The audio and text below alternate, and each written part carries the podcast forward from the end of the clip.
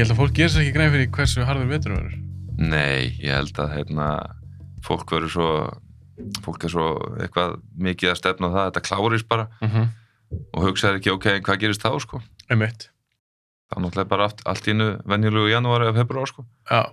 Þannig að hérna og ég hætti að dregst líka alveg på hér sko. Já. og menn sé að tala um eitthvað um áramót alltaf eitthvað að miða við það sko, þá er það er engar alvöru bólusetningar komnar í gang fyrir eitthvað í februar og mars sko.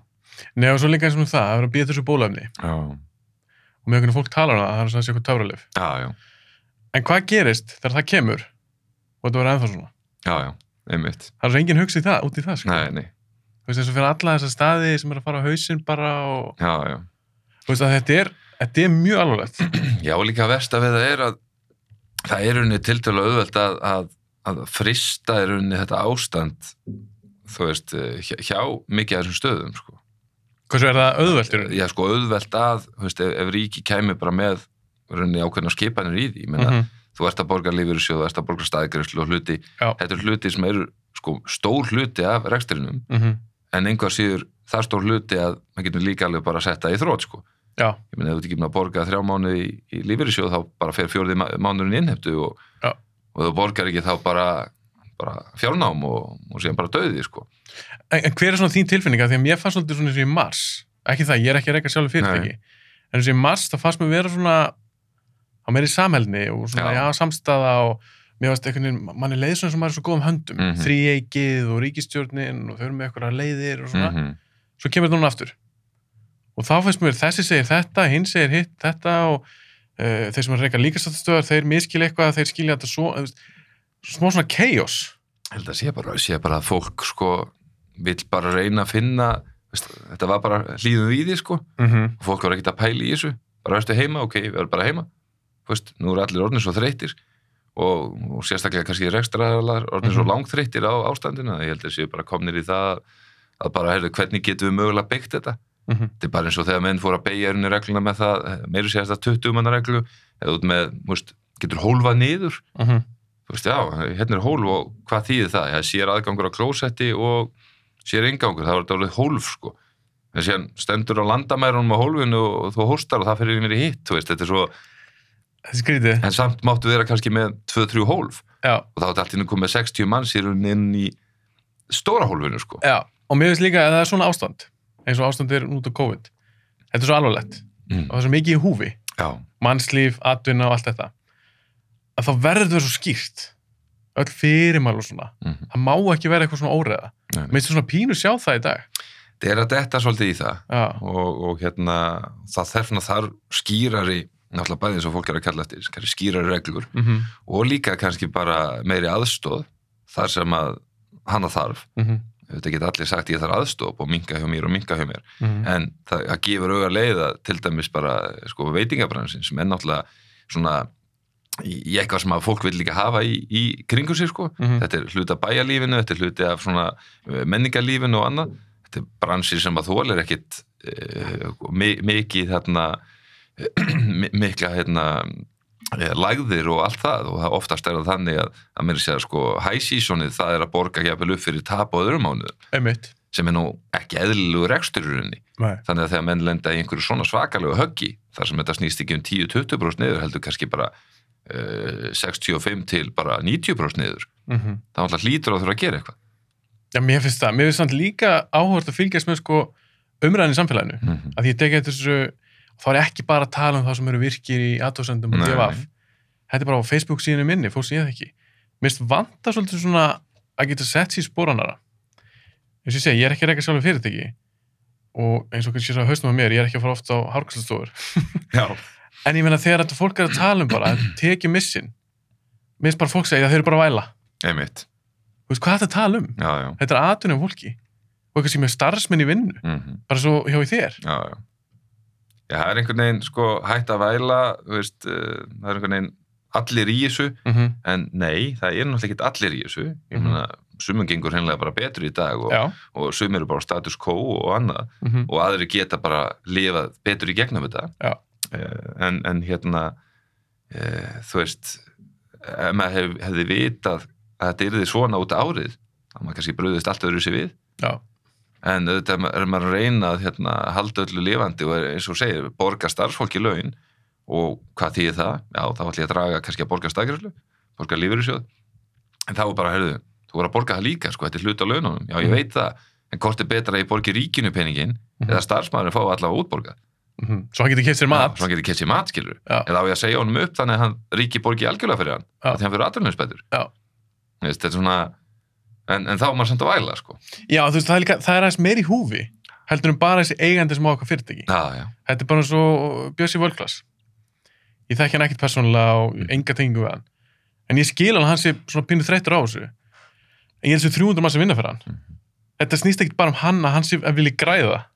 Skilur þau? nei, nei Þetta er meir í húfi.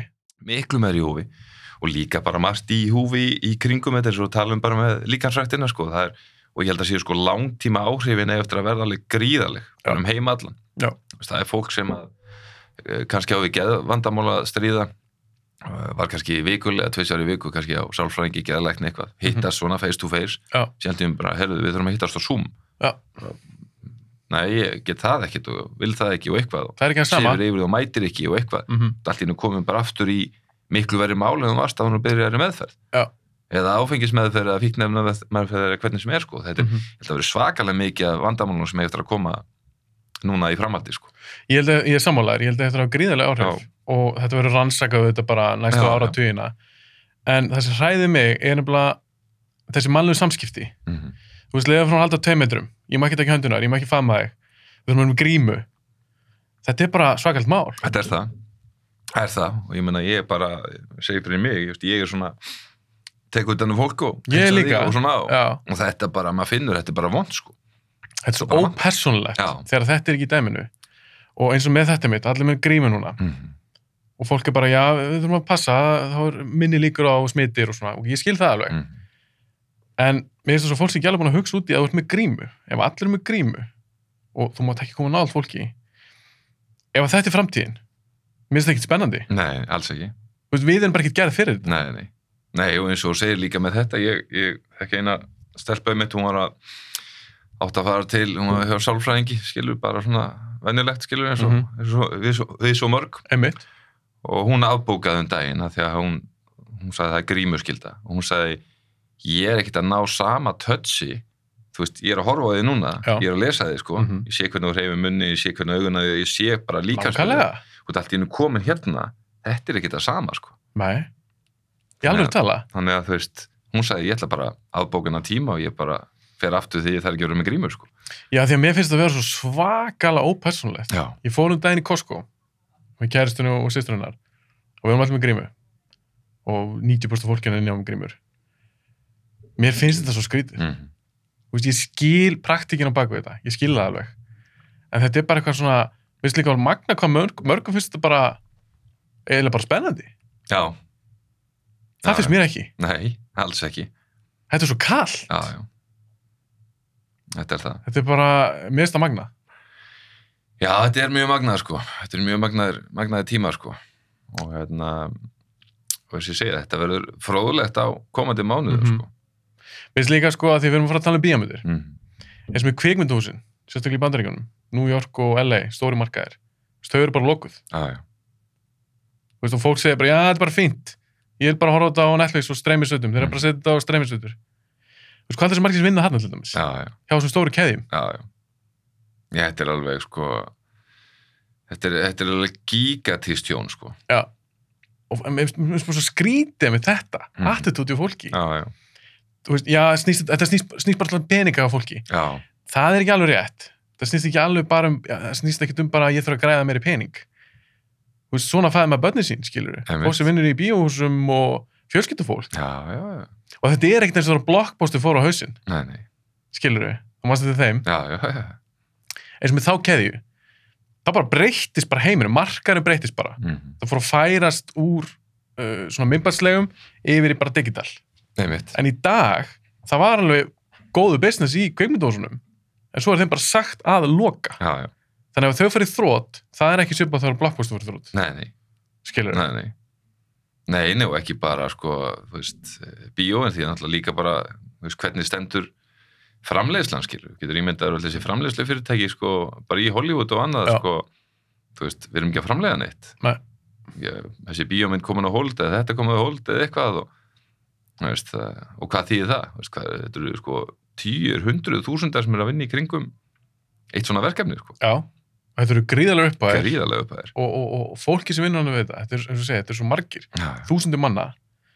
Og ég skil stúdíu hann að vissu leiti, eins og núna er þeir búin að fresta fullt af myndum. mm Ég skil það alveg, þeir búin að eða fullt af pening við þetta. Og ef þeir gefið út í dag, þá bara tapa þeir. já, já, En kvikmyndum sem þurfa eitthvað efni til að sína, skilja, þetta er svona þetta er bara vítar hingur, einhvern veginn. Fólk fyrir ekki í bíó að það er ekki eitthvað nýtt. Og það er ekki neitt í bíó að þeir vil ekki setja í bíó í dag. nei, nei. Nei, nei, Þetta er svo skrítið. þetta er alveg Já, já, þá má ekki fara í jakkan Jú, fara að í hún Ég myndi búin að fatta það að það er betra að vera í stuttarból. Já, það er nú ekki alveg heitt hérna inni svona. Mm Þetta verður líka alveg heitar umræður. Já, það ekki? Jú. Þetta er alveg næ stúdíó, sko Já, takk fyrir það. Já, Þú veist, ég er ekki að vera að klippa þetta út þættinum, þetta verður í þættinum. já það ekki Jú. Já, takk fyrir það. Þetta er bara mjög næs Já, það er það. Það er verið að skýtmixa svo, svona stúdíó, sko Mm Þá hljóðið eitthvað bergmál og vesen og Já, alls konar vesen það er alveg ekki þannig. Þetta var svona Nei. kannski smá þannig, kannski fyrstu fjóru, fimm þættin sem ég tók upp.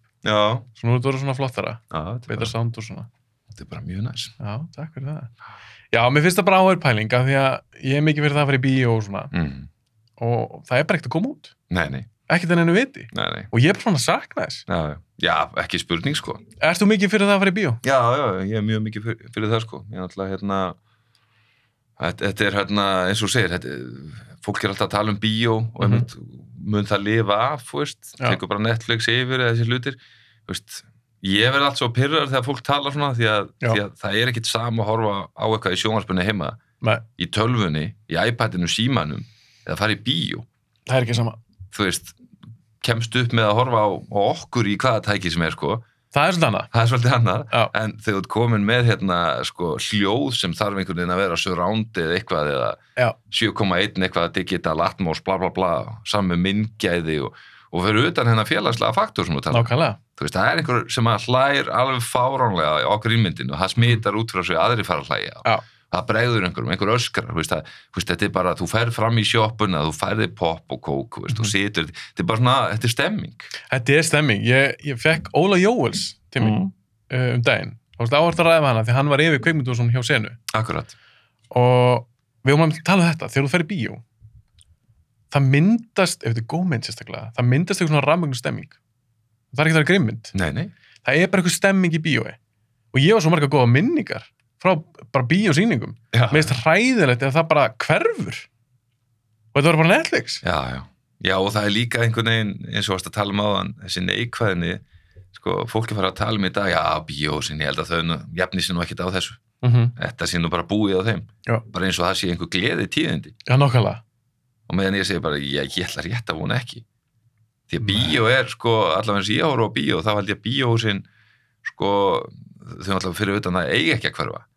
Nei. En þá held ég að þessi félagslegi faktor hangi það sterkur þar inni Mm -hmm. kannski þarf að vinna meira með það, búa til einhvern veginn meira, meira tengingu við það, Mm -hmm. en þetta er saman sem með leikús, þú fyrir leikús að þú sérð leikar á sviði, Já. getur alveg keftir dýrin í hálsaskói, sko, bara videóutgáfunar, sko, það er bara ekki það sama, sko, Það er ekki að sama. og leikús sérstaklega, sko, þú, þú ferð ekki, sko, þú ferð ekki á ból og bara stuppur sem í leikús, sko, þetta er ákveðin aðtöp, sko, ferð, Já. tekur þið til og ferð í flott fött og, þú veist, Það er svona já, þetta er bara event, sko, Já. og hérna, þó svo að bíó sé kannski ekki þannig í venn, þá er samt ákveðin stemming við það. Mm -hmm. og, og ég meina uh, veist, yngra fólk, náttúrulega yngra fólk vennilega fyrir meira í bíó, mm þetta er svona kannski stærsti hópun er svona 35 mínus Já. í bíó, Já. sem fyrir aðeins að, aðeins að minka Mm og maður tekur alveg eftir því í, í dag maður sér í kringu sig að, að unga fólki er alveg að fara í bíó á þess að fáu myndir sem hafa komið út. Já. af hverju? Gera eitthvað. Ég ætla ekki bara að vera heima og horfa á Netflix. Nei. gera eitthvað annað. En svo er líka búin að tala um þetta svolítið mörg ár að þetta sé úr úrelt að fara í bíó. Og það er- komið það Netflix og það eru töluleikir og alls konar svona önnur entertainment sem tekur af bíónum en samt eiga alltaf oft metár og metár og Mhm. þú veist þetta er ekkert að degi út Nei, ég, ég er ekki að sjá það og Nei. ég vona ekki og ég ætla ekki einu svona að tala, tala þannig að það gæti gerst. Auðvitað náttúrulega þeim mun uh, færri sem færri í bíó, Mhm. bíóhúsum myndu fækka, svona bara í heiminum. Auðvitað hefur það áhrif á tekjurnar hjá myndunum og kannski verið minna spennandi að búa þar til. Já. En ég held að er það alltaf kannski þannig að þeim bara myndi fækka Mm og uh, er, þið stærri og, og færri, sko. Já, ég er nefnilega fór svolítið, ég er búin að fylgjast mikið með þessu. Mér finnst það mjög áhugavert að sjá hvað er í gangi. Og eins og þegar Tenet kom út. Mhm. Það var svolítið svona testmynd. Vonum bara að setja hann út. Sjá svona hvernig þetta kemi. Og eftir að hún kom út, og henni gekk ekki eins vel og flestir vonuðu, þá bökkuði hinn stúdíóin. Með Black Widow og þessar myndir. Mm -hmm. Ég bara, ég er að pæla í framtíðinni. Veist, er það að setja hann á minni peningur svona myndir? Ég, segi, ég, ég held að held að náttúrulega eins og með Tenet náttúrulega, veist, kannski voru að mistök að setja hann út, en samt á móti kannski gott upp og að bara það var svona ákveðin fórnarkostnaður fyrir aðra myndir, Mm -hmm. en uh, maður sá náttúrulega og sér það á tölum að uh, bandaríkin náttúrulega gjör sannlega floppuðu þar Já. það er náttúrulega bara eina ástæða fyrir því það voru engin kvikmyndahús, Það er málið. En veist, ég held að hún sé hvað er ekki, 45 miljónir eitthvað í bandaríkjónum Ekki mikið. ekki, en, en síðan er hún kannski veist, 250 pluss sko, Worldwide. sko. Mm -hmm. þannig að eh, sko, myndin sem slík floppaði ekkert Nei. en bara ástandið leta hann að floppa Mm -hmm. og þess vegna hérna, held ég að kannski líka á móti að þegar bíóhúsin opna aftur og það er bara koma svolítið, það er svolítið hólda á öllum myndum Já, kemur svolítið, það er svolítið mikið af góðum myndum sem þetta í, í bíó vonandi. og það held ég að hljóta því að fólk verður bara eins og með allt saman, það verður svo gaman og spennt að það bara hefur fyrir mig í bíó, fyrir mig Mhm. aftur í bíó fyrir mig í bíó og þessi stemming veist, kemur aftur upp og við gleymum því að við höfum ekki farið í bíó sko. Heldur við náum að hafa þetta eins og þetta var fyrir COVID? Eða heldur við verðum öll bara með grímur bara næstu þrjú, fjóður árin? Í bíó? ég,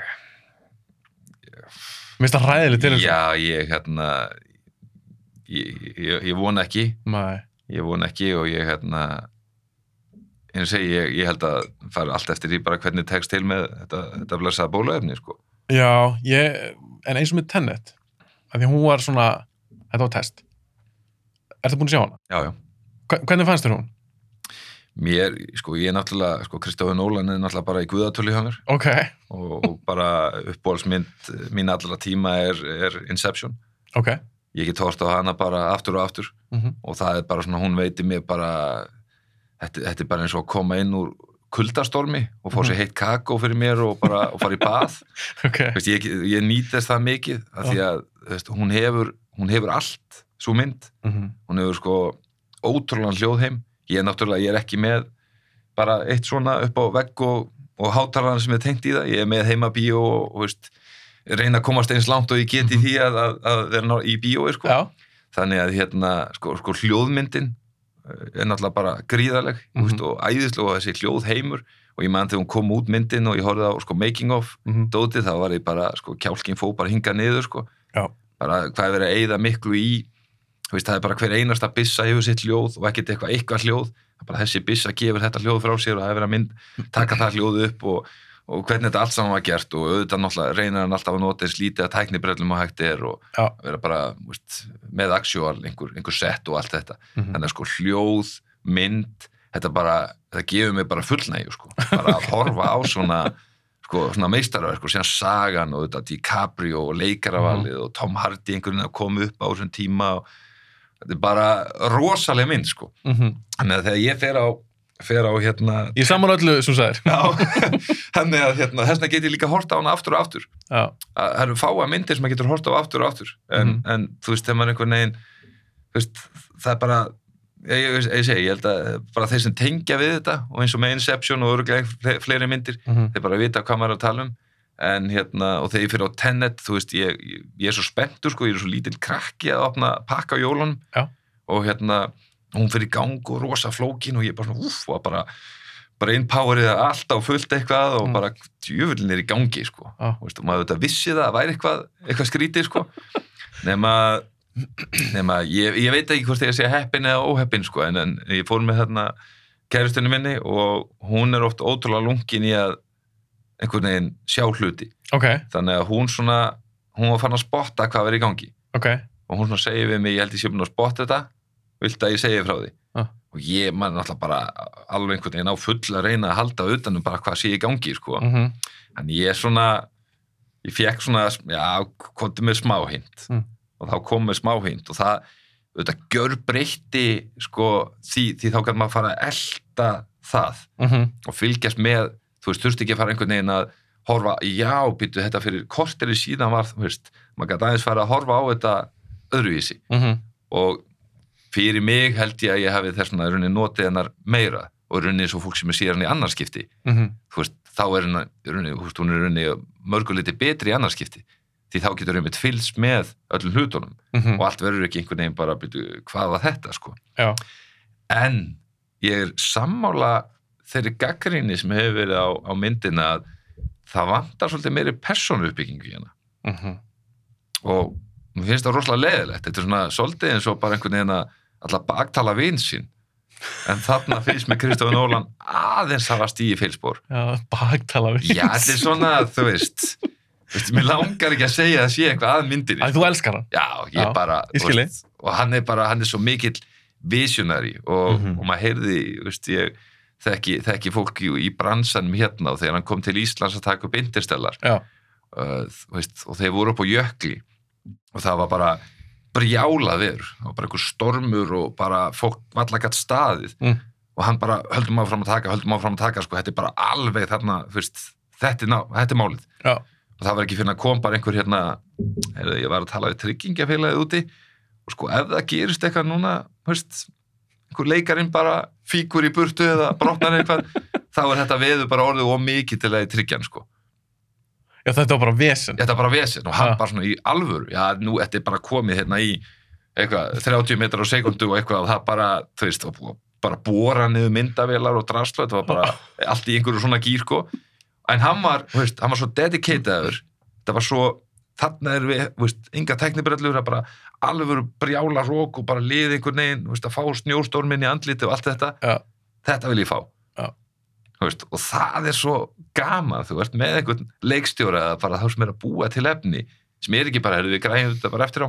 Það er svo og leiðilegt til bara einhverja gerfi snjókomu og eitthvað sko. Mhm, og, og, og þess vegna sko og þetta auðvitað skýn svo vel í gegn að þess vegna kemur við tennet, það er svona pínu leiðilegt að persónusköpunin þú veist, maður veit ekki baksöguna hjá þessum, þessum svarta, þessum aðaleikaranum mhm, og maður einhvern veginn þannig að maður næri ekki alveg tenginguna á maður að, þú veist, elskan eða er þetta fáið eða hvað er þetta sko? Mhm. þú veist, og, og hann er ekki sem er nafn. Nei, hann er ekki sem er nafn sko. Hann heitir bara protagonist. Já, og það er svona þú veist, sem, sem var í In- Inception, þú veist, þú varst með karakterinu, þú veist, þið langaði svo að Di- DiCaprio kæmist heim. Og þú vissir af hverju hann var að gera það? Af hverju var protagonist að gera þetta í Tenet? Nei, nákvæmlega og líka ekki segja mér hluti í bíómyndum. Mhm. látt mig finna það. Þú veist ekki bara segja að það verður heimsendir ef, að, ef við náum ekki. Eða það verður þriða heimstöldin og Nei. hvað, ekki bara segja það og svo er engin karakter á bak við það. Nei, nei. Það er skrítið, sko, ég eiginlega ég veit ekki, það eru alls konar svona sögur um það af hverju þetta hafi verið veist, maður heyrði það að DiCaprio hafi stjórnað fullt af hlutum í Inception og farið fram á það að hlutinir eru einhvern veginn meira svona mannlegir og, og tengingar. ég fann að trúa því núna Já, ég er svona svolítið farin að kaupa það því að uh, skín svolítið í gegn þarna uh, en samt eins og Interstellar, ég meina það er eftir með þessa hluti ég meina hann er fastur út í game og þú bara svona greiði kallin sko. þú það góð? Mér fannst hún, mér fannst hún síður en, en, en Inception Mm -hmm. en enn og aftur þú veist litlu plott þú veist. Bara bókahillan skilur og þú bara einhvern veginn veist ekki hvað er í gangi. Sem sér þetta einhvern veginn frá henni hliðinni. Mm og eins og ég vil ekki kæfta með tennet því að það er náttúrulega rosalega margir sem hafa ekki séð hann ný. En, en það eru auðvitað svona hluti sem eru svona bara, vá pff, bara búin að sitja í einna hálfa tíma og var þetta í alvegni þetta? Sem er alltaf alveg geggja sko. Mhm. og ógeðslega erfitt að ná í bíómyndum í dag. Þú ert einhvern veginn alltaf að gera sömu suðuna sko. mm -hmm. og jú, jú, það er einhvern veginn þessi var morðingin ekki hinn og eitthvað svona. En, en svona eitthvað alveg nýtt en alltaf bara mega erfitt sko. já, ég er búin að pæla rosalega mikið í þessu því að sérstaklega til að byrja um podcastið ég hef verið kveikmyndámar síðan bara og krakki. Og ég er búin að pæla meira, bara ekstra mikið núna í bíómyndum. Og ég er búin að komast að því að það sem skiptir mig mestu máli í bíómyndum það er alveg saman hvernig bíómyndum er það er já, að þegar mér er sama allir myndinni þá getur við með flottast og plott í heimi en mér er alveg sama, já, það skilur ekkit eftir. Nei, nei, ég laði búin að bíónu og ég er bara svona að, ég nenni ekki að ráða fram úr þessari gátu sem tennið er. Einmitt. Einmitt, svo var hann að bjarga ykkur konu þarna, ég sé ekkit af hverju og, nei, nei.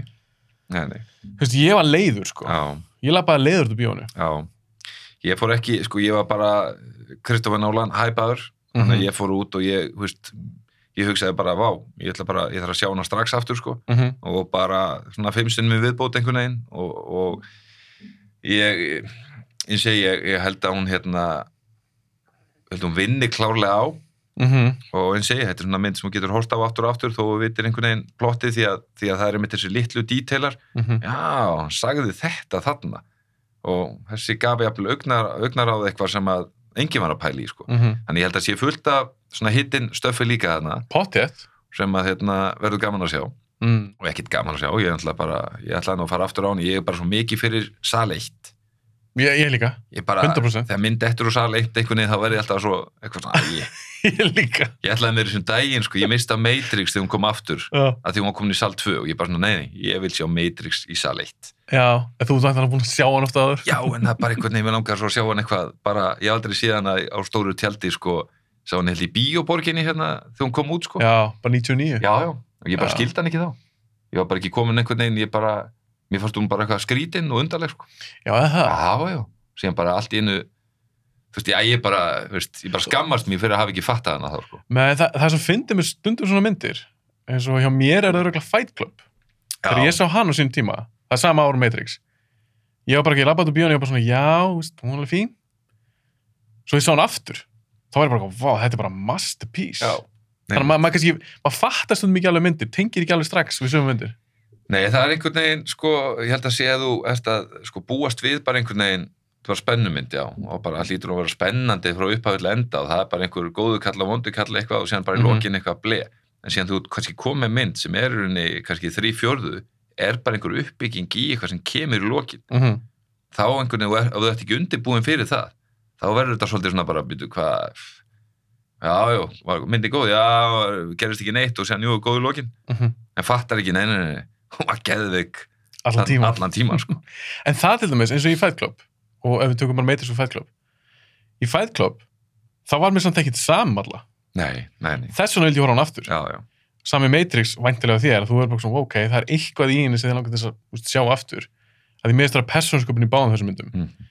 en Tenet, persónlega hef ég ekki dáð að sjá hann aftur. Já, já, já ég, segi, ég, ég, tengi algjörlega við það sem hún segir þess vegna langar mig að sjá hann aftur vegna þess að ég held að hún hérna ég, ég, ég svona vonað að hún brjóti þess þetta bándari ég skilur með það að þegar maður sér hann aftur þá, þá einhvern veginn verður hún ekki svona þá er hún miklu léttari, mm -hmm. þú skilur hana betur og þú einhvern veginn, ég veit ekki, jafn- jafnvel einhvern veginn áttarið á betur personunum einhvern veginn sko auðvitað gæt maður Kannski. reynda að vera að konu ég veit ekki að segja meira það því að hún alltaf var með ball líka og hún sást valla, skilum maður sá valla framar í bandi Nei, nei, en það var allavega hún, það var eitthvað, eitthvað for, to fight for það sko. en hérna, en já, ég leiðilegt og sérstaklega því að náttúrulega vondikallin er náttúrulega alveg ógislega góður. Já, geggjaði já, og bara, þú veist og í rauninni stelur svolítið senni í myndinni hvað það var það, sko. Mhm. ég er algjör fáviti, sko. En ég á, á persónulega erfitt með, ég er alveg til í flókna myndir. Mhm. þetta er svo margir svo Inception er flókin. Mér finnst hún ekki flókin, Nei, nei, ég er til í flókna myndir. En ég verð að vita af hverju þessi er að gera þetta hvað eru að fara að gera, Mhm. hvert þeir eru að fara. Ef ég næ því ekki, þá næ ég ekki tengja. Nei, nei. Það bara köttast á mig og myndina. Ég er bara að tjekka mig út sko. Það var það góða við Inception nefnitt líka að hún hérna uh, hún skýrði, sko, það, það var ekki einhvern veginn, þau duttu ekki inn í einhvern draumaheim og þú bara byrju, aha, akkur er komin hinga Já. þau voru alltaf að segja, þú veist, eitthvað, að þetta er ekki hægt. Jú, jú, þetta er hægt, ef þú bara gerir það svona og svona. Mm já, hún byrju, gera það ekki svona, nei, þá, sko, þá bara passar þetta og gerir þetta og þá varstu búin að ná einmitt skýringunni þú skildir regluna já, ok, og nú förum við inn Já. þá gerir þetta svona, sko Mhm. og þá líka að það gerðist eitthvað skrítið sem hefði, ef það hefði ekki haft skýringuna þá bara hann að byrja af hverju anskotan gerðist þetta ég meina af hverju kom lestin mm. þessi lest meikaði ekkert sensi og fattar ekki skýringuna sko. Mhm. en, en hún skýrði, var rosalega vel skýrð á sama tíma og það var ekki svona herru, ég er ekki heimskur, ég fatt alveg Mhm. nei, nei, þetta er flókið og þess ætlum við að skýra það á þann veg að liðið í hópnum er að Já. tala við hvort annað sko. Já, en líka eins og í henni, í Inception þá hafðuru, það sem ég vil kalla ég, nokkur félagin er búin að gera mikið grína mér fyrir þetta það sem ég kalla tilfinningulega miðju mm í myndinni, það er Inception. Já, það er DiCaprio að reyna að komast til barnan sinna skilur já, já, og, og kona sem hann missir. Mér finnst ekki þurfa svolítið tennet nei, nei, nei, skilur nei, nei. það var bara ekki neitt, Nei. það er bara svo nólan að vera bara herðu, tjekkja þessu, allar frá aftur á bak Já, og hvað meira, skilur já. er það eina, er það bara eitthvað tæknirung? Virðist vera svolítið þannig og það er svona ég segi, ég, það er svona mitt á milli. Já, þetta er hérna og ég segi, þetta er svona þetta er svolítið sorglegt því að, því að hérna, því þessi hugmynd er hrikalega skemmtileg. Já, já, hún er það. Og skemmtileg pæling í því og, en, en það vantar líka svona veist, fyrir utan tæknirungi þá vantar líka svolítið skýringar í tæknirungi sko. já, nákvæmlega, hver eru reglunar? Þú verður að útskýra það. Þú veist, ég meina, þú veit ekki að skjóta út að grípa skilju, af hverju? Já, það get ekki skýrt neitt meira það er bara, nú, já, ok hann er að grípa kúluna. Byrju, hvað, þú veist, hvað ha. og svo segir mér þess að konan eitthvað, don't try to understand it. Já, nákvæmlega. Nákvæmlega. Það, Nolan er bara að segja við okkur, hann er bara að gefa okkur puttan já, Herri, þið þurfa ekkert skilda, nei, nei, nei. Segja ekki frá þessu. Mér finnst líka, ég meina kenningu í sambandi við Nolan og þessa mynd. Er þetta ekki bara því það er enginn sem neyða hann kemur ykkur hugmynd, eitthvað Mhm. handrit það er allir bara hætti snild já, já það er enginn að segja mér það, eitthvað jakkavætti gæi í Hollywood hafi skilið handriti það er enginn að segja mér sko, það hann náttúrulega er alveg komin á það level að hann náttúrulega gerir bara það sem hún sýnir sko. en er það alltaf gott? Í- verður ekki úr einhver editor? Jú, algjörlega, en, en maður myndi nú halda hans editor, ég meina, hann hefur náttúrulega verið með eh, sko, bróður sinn náttúrulega sem er ekki núna Nei, sem er ekki núna, en það er samt, veist, hann er aðna, þetta, er- þetta er bróður hann, sko, þetta Já, já. það var sérst niður eins og við erum að sitja hérna og kannski eitthvað rætt þetta, en þeir eru báður upp til hennir maður veit það líka. Gæti verið. Og, og maður svona pælir í, sko, en, en jú, en það eiginlega hlýtur að vera að það, Mm. eh, það er einhvern veginn ekki einhver að segja, við þurfum við ekki að gera þetta? Og Kristofur Mhm. Nólan er náttúrulega uh, sko, sko, hann er náttúrulega fullkomni, fullkomnisti, þannig að hann, hann vil gera þetta geggjað en einhver síður þarf þetta að vera svolítið út frá hans heimi en Mhm. ég held að ef hann vinnur með réttu lið þetta er eins og bara, hann er náttúrulega með hérna, Hans Zimmer var það ekki í tónlistinni í Inception jú, í Inception, jú og síðan einhver allt annar núna mm og, og það, ég var mjög spenntu fyrir að heyra það vegna þess að Hans Zimmer náttúrulega er alveg geggjaður sko en það er flott uh, tónlist í tannet já, um töff hún er töff sko Já. en hún er, þú, þú manst eftir í Inception sko, það kom hérna það var það gítari fyrir Já, já, já. Þetta, hérna, Já. sem var svona þema lægið í myndinni mm og þegar kannski einhver var að fatta eitthvað eða eitthvað, þá kom það undir þú veist, það var svona, það var svona eins og Pétur Úlfurinn sko, það var svona, Mhm. hljóðið var svona, fekk að vera svolítið svona karakter líka í myndinni Já. þannig að allt í hennu, þú veist, þegar hann hérna, þegar hann hérna ég held að það hef verið fyrst þegar, þetta kom hann fyrst í myndinni þegar hann segir hérna, hérna Inception, já, í Já. Inception, hérna, hérna uh, asíski, asíski maður, þannig aðal Ken Watanabe já, já, já, já, þegar hann segir eitthvað am I, but I'm actually dreaming veist, Mhm. eitthvað svona, og þá kemur það svona læði svona undir Mhm. svo tónlist og það, og það er oft það sko sem að kemur líka, þegar við erum að tala með bíómyndir Mhm, að, og, og fólk fattar ekki og fólk fattar þetta bara ekki in, in life mhm. hvað hljóðmynd og, og, og auðvitað það sem auga nemur skiptir rosalegu máli Já. og þá er ég meina sko, sko, sko þú- þetta er svona þú fattar ekki, þetta er svona sami eins og við sitjum hérna inni og hérna er bara svampur á veggjunum og gott sound og því líður vel inn inni. Mhm. ef það verður bergmál hérna inni þá verður við náðan að vera geðveiki sko, já, já, þú algjörlega. Veist, og ef þú fer á veitingastað og það er vont hljóðar þá einhverju hluta vegna þá kannski bara þú er búin að sitja í klukkutíma er þetta ekki orðið gott, ef ekki að fara. 100% rétt. Gott hljóð, situr alltaf í tvo tíma og þú veist ekki af hverju. En ég myndi spyrja hvað í tvo tíma það leiði bara eitthvað vel. Já, og hvað var það? Mér veit ekki, það var bara eitthvað svona þægilegt og hlýtt og eitthvað. Þetta er góða punktur. En stór hluti, Já. hljóð. Hljóð er svo rosalega vannmetið Já. og það kemur aftur að þessu, þú ert að horfa á mynd í tölvunni Mhm. í þessum món og hátalara sem að bara skilar engu. Okkur fartölu, 13 okkur í tómur fartölu já ég meina, að, jú, og svo fyndir hún að tala um þetta því ég, hérna, ég var að kaupa með nýja hérna, MacBook Pro. Já, svona 16 tómu Já. og það er bara ótrúlega gott ljóð í henni. Já, og ég veit ekkert af hverju. Veist, að, þeir náttúrulega eitthvað, eitthvað bla bla bla eitthvað Mhm. að búl kæftaði meðan á borðinu og það er bara svona, ú, það er bara einhvern veginn verður svona víðóma hljómur. Já, ekki til að horfa á bíómyndi í nei, en bara, og ég er búin að einhverjum ví- YouTube-vídeóm og Mhm. bara svo margir bara, vá, byrju, tjóðlega gott hljóð í henni. Já, byrju þú bara tekur eftir því. Já. sína sama YouTube-vídeó eitthvað í einhver annari tölvu og allir myndu bara einhvern veginn ekkert pæli í því. Nei. Og þetta er svolítið sama og það er svona með bíómyndir er svo sorglegt þegar fólk er að horfa á bíómyndir sem eru með einhverjum geðvöngum hljóðheim. Mhm, og ég hérna, ég held ég ég var nýbúin að sjá, held ég bara Inception. Já, og þá fór ég í bíó og sjá, sá hérna það hef ekki verið bara hérna uh, hvað heit hún aftur hérna með Mark Wahlberg og, og hérna honum uh, Úf hvað er með leikara? já, Annan? hann hérna, já, það var hann Departed, ha, Nei, hann hérna Fighter, Nei, nei, nei, nei þetta var, þetta var grímið þegar löggur hérna. Guys? Nei, en, en hérna ekkert var Mark Wahlberg ekki lægi með mig. Vá, hann fór ég langt í burtu Þetta bara brain freeze. Já, En við verðum að finna þessa Já, mynd Grímmynd, löggumynd. Já, þeir eru, uh, veist, æ, þeir hérna, fara í annað distrikt, eitthvað eru svo lélega löggur, eru settir eitthvað í skóla, eitthvað, verða skóla löggur í staðinn, veist, eitthvað. Er þetta ekki því Other Guys? Nei, þetta er hérna, nei, löggur? þessi hann kom númer tvö af þessari mynd, þetta er hann hérna, Vá, þetta grínar. Við, verð, við getum ekki, við verðum Nei. að finna þessa mynd Nei, nei, Við komum með tvö, þetta er ekki, þetta er ekki Daddy's Home Nei, nei, nei, nei, nei, þetta Hann var er- það. nei, þetta er hann, hérna, eru tveir hérna, hann hérna, stóri hérna, ekki stóri, hann hérna, Okkur er ég ekki að kveikja heldur nei, húf, sem að leka á móti honum í Wolf of Wall Street, þetta er algjör brainfrís, hann hérna, Uh, sem, sem leka á móti Leonardo DiCaprio í, í Wolf of Wall Ok, Street. byrju, byrju Ertu að tala um 21 Jump Street? Já, En Það, Wahlberg er ekki henni nei, þetta sagði, það var ekki Wolberg, Já, það það var er ekki eðlaði fyrir þér. Ha, Þú klúðrar sem ég eitthvað báða klúður þessu svo mikið að þú varst bara veginn, já, Já, 21 Jump Street. Já, Af hvað ætlar að tala um hana? Að Ég man ég ekki af einu því ég var bara einhvern veginn, þú veist, var nýbúin að sjá Inception og bara svona okkur hljóð heimur og já. og allt alveg, æðislegt og hérna, síðan sá ég hann og það var bara eitthvað svona, einhver eldingaleikur Mhm. bara eitthvað svona, eins og svona, svona myndum Ekki spennandi einhver gæi á okkur, nei, hljóðið Mm. það var bara svona Já, eitthvað svona Já. og ég bara svona, ha? Mhm. og ég hugsaði bara, ha? Já, þá var maður búin að vera á eitthvað, þú veist, eitthvað Inception sem bara einhvern veginn bara einhver rosaleg hljóð Já. úr öllum tækjum og drasli og þannig var bara svona venlegt skothljóð.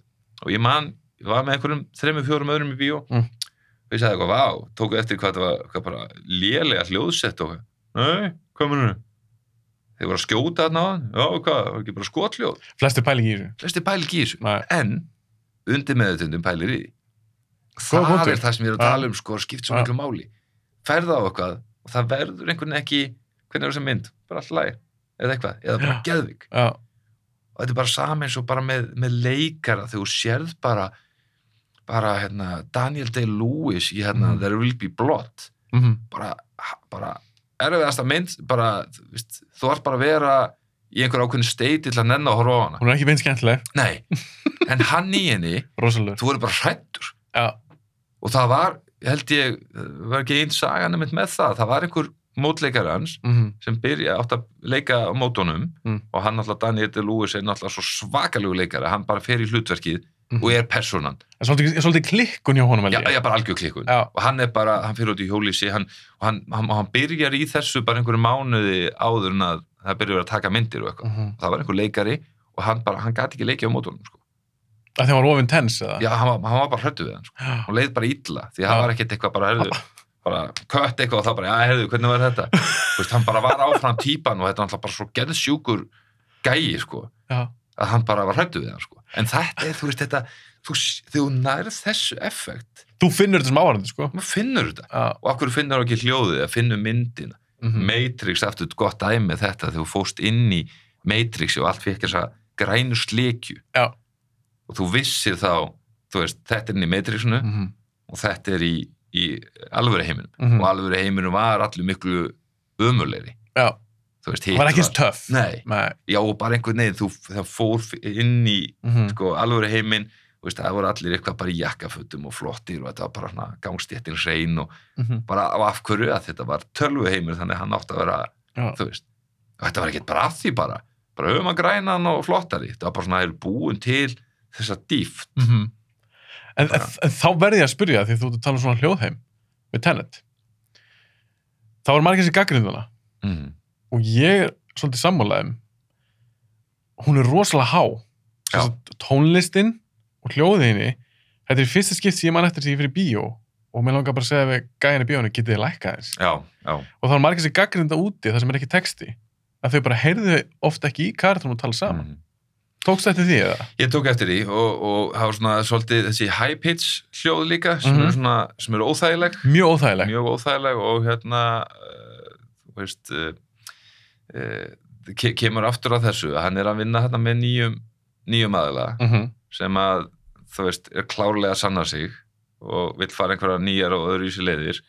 Uh, hans sem er skiluru, þú veist, þetta var pínu í Interstellar, þó svo hafi verið hans sem er, það var svona pínu svona, já, fannst þið það? svona, svona já, ekki, ekki svona læti, en það var svona svolítið læti, Mm það var svona svolítið, veist svona, eitthvað, eitthvað mikið að gerast einhvern veginn svona, Mhm. eitthvað, en, en hérna en, en kemur aftur að þessu að, að hann er að vinna með einhver nýjum aðila og Mhm. allavega eins og með Inception þá, þá var hann að bara vinna með hann sem er í þessu -hmm. hann sem er bara, ég geggja hann dæri þetta er bara svona og svona og svona og hann eitthvað, að getur við hér nú veist eitthvað og þeir bara tveir sérfræðingar að vinna saman Mm þarna held ég að sé svolítið meira sko, ég með hérna handaði sko. Já, getur við gert svona?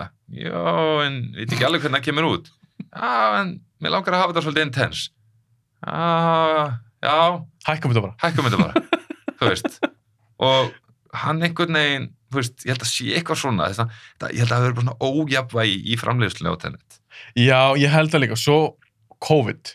Þú veist, maður veit ekki, þú veist, hversu mikil áhrif hafið það á Einmitt. eitthvað eftirvinnslu samt úr hljóð og tónlist getur verið hellingur. En mér finnst líka sumir miskilja þeir held að hátt hljóð sé það sama og gott hljóð já, það, það er bara í öllu. Já, en það er ekki rétt. Nei, það, það er bara svo rosalega ekki rétt. Já, og það er eiginlega uh, aftur þetta, þú bara eins og, eins og heimili eða eitthvað þeir sem hafa sett upp kannski smá svona uh, hvað kann að segja, svona heima hljóð hjá sér með fleiri hátalara sko, uh -huh. og þú veist, af hverju ertu með sex hátalara inn í einni stofu? Uh það er einmitt til að ná hlý, hlýleikana sko, Já. ná þessari mýkt. Og ég hef nú oft í stappi við sko bara kona með þetta sko Mm. því hún er bara, hún er ekki þarna. Og hún er bara ekki í hljóð og, og maður verður bara að bera veiningu fyrir því að sumi bara skinni þetta ekki og finni þetta ekki. En, en ég er bara, þú veist sensi á mér er rosalega bæðið sjónurænt og hljóðrænt. Er stofan þín, er, ertu með eitthvað svaka heimabjó Nei, sko ég er bara með bara, bara fínt heimabíó fyrir myndir, veist, ég er alveg með 75 tómu, veist, og langar að fara í 85 tómu eða meira, en veist, ég er alveg með þokkalegt, en ég er nú samt bara í 5,1, ég er nú ekki komin lengra. ekki komið lengra, en ertu með þetta í einhverju sér herbyrgi eða kjallara eða ertu bara með þetta í stofunni? Ég er enda bara með þetta í stofunni, en, en hún, hún fungerar mjög vel þessi stofa, Mm. þú veist, hún einhvern veginn, hún bánsar ekki mikið, það er ekki einhvern veginn bergmál og vesen, þannig að þetta, þetta virkar vel hana, en, en draumurinn er sá að, að fái mitt eigið herbyggi og þá náttúrulega verður bara sett upp eitthvað atmós þar, sko. En þá að því að spyrja það með konina, að kærstuna, er hann alveg sama? Með eitthvað þrjá, þú með þú ert með þrjá fyrir framann, tvo fyrir aftan, veist, Já, hún er bara, ég held að hún hafi gefist upp að þessu fæti bara fyrir löngur síðan, sko. Það er svona, veist, veist, þetta er einhvern veginn þarna og hún einhvern veginn, veist, hún skilur þetta auðvitað alveg og hún heyrir alveg munin og ég reyna að lokka hana líka stundum í eitthvað sérstaklega maður veit að það er eitthvað í bakhátturunum, sko. já, Svona, her, ha, þið hefðu ekki bröðið nema út af þessu, sko. ég er nefnilega þurft að taka fæt um kærstunum mína, Já, af því að ég er svona bíokall, og þetta heima líka. En við sættumst þá að taka gott soundbar. Og ég keipti mjög flott soundbar, það er bara dröldu gott sound í þessum Já. soundbarum, komur alveg óvart. En hún var ekki mega bakháttulega, sko. Bakháttalana. Nei, Það er svona, það var, ég þurfti að lúffa þar, sko. já, það, þú getur glemt því, sko. Það, það lúfar engið það, sko. Nei, ég þurfti að lúffa. Já, ég bara, ég skal, skal vaska upp og skúra og ryksuga og bara það var nú, horfum við ekki á þetta sko tekur þetta Þú voru að tala um kærastunum mína. já, ég, já það, það eru bara svona sko, þú verður að vera með hennan heim sko, þú verður að ná Já. sögur ándinu sko, það er, En henni til varnar, þegar við fluttum, þá fekk ég eitt herbyggi. Sem er svona vinnu slags leikherbyggi. Ég gæti tænlega sér sett bakháttur á þar. já gæti gert það ég gæti gert það. já, já, Ég er svona alveg að pæla í stundum. já, já en þetta er sko, ég, þetta er, þetta er bara eins og hjá svo mörgum, veist, ég minna fullt af fólki sem að bara hefur bara takmarka gaman af bíómyndum, Já. takmarka gaman af hljóði Mm skeggja, þetta er eins og ég hef kipt öll mín tæki hérna hjá honum steina upp í hljómsýn -hmm. í álmúla Já. Er það ennþá til það? Já, já. Þú veist, og hann er með, sko, hann er með Paradigm sem er, sko, kanadís. Það er með svona, bæ- bæði merki sem einhvern veginn er ekki, þú veist, þú bara svona, ábyrður ekki, bara eitthvað Elko hérna, bara eitthvað. Panasonic eða Sony, er það ekki eitthvað, þú veist, Mm -hmm. með flott merki, þú veist, Marantz og svona, þú veist, þessi Mhm. high class merki, sko. Og, þú veist, og- og ferð einhvern veginn og, og kaupir einhverja svona græjur sem eru bara eitthvað alveg motherfuckers græjur Já. og hann er með herbyggið þar til dæmis og ég, mann fyrst ég kefti hjá honum sko, það, já, menn þá verra heldur en í dag. Minn í dag er ég bara með svona kannski eins og framháttalarnir eru bara svona, svona veist, Nettir. netti sko, svona, veist. En þetta alltaf finnst engri konu nett sko henni finnst þetta nett sko. Og skilur ekki í því, ekkur getur ekki bara verið með þessa litlu sem við verið að auðlýsa hérna einhvern veginn? Fimm í pakka og eitt bassi einhvers staðar svona, veist. Já. og ég meni ég er alveg með þau veist 12 eða 14 tómi bassa og, og góða miðju sko og Mhm. eitthvað svona en ég var með áður, þá var ég bara með sko, Turnana. já, turnana, en það var sko það var bara, sko, það var jarðskjálti, bara hreinlega sko. Það var upplöfun. já, ég bjó, bjó í fjölbíli þá þá þurfti ég einhvern veginn að velja ég horfði mikið bara á daginn á Mhm. þessa myndir sko og þá, og þegar ég keipti það þá, þá sko, þetta 5,1 svo nýtt inn að gæsalappa Mm -hmm. að þá var hérna manni hvort þú hafi séð þarna þegar Eagles tónleikarnir voru gefnir út ekki hvað er því. Bat Out of Hell eða eitthvað, það var þarna Já. live tónleikarnir Já. með Eagles og þeir voru mixaðir í 5,1 Já.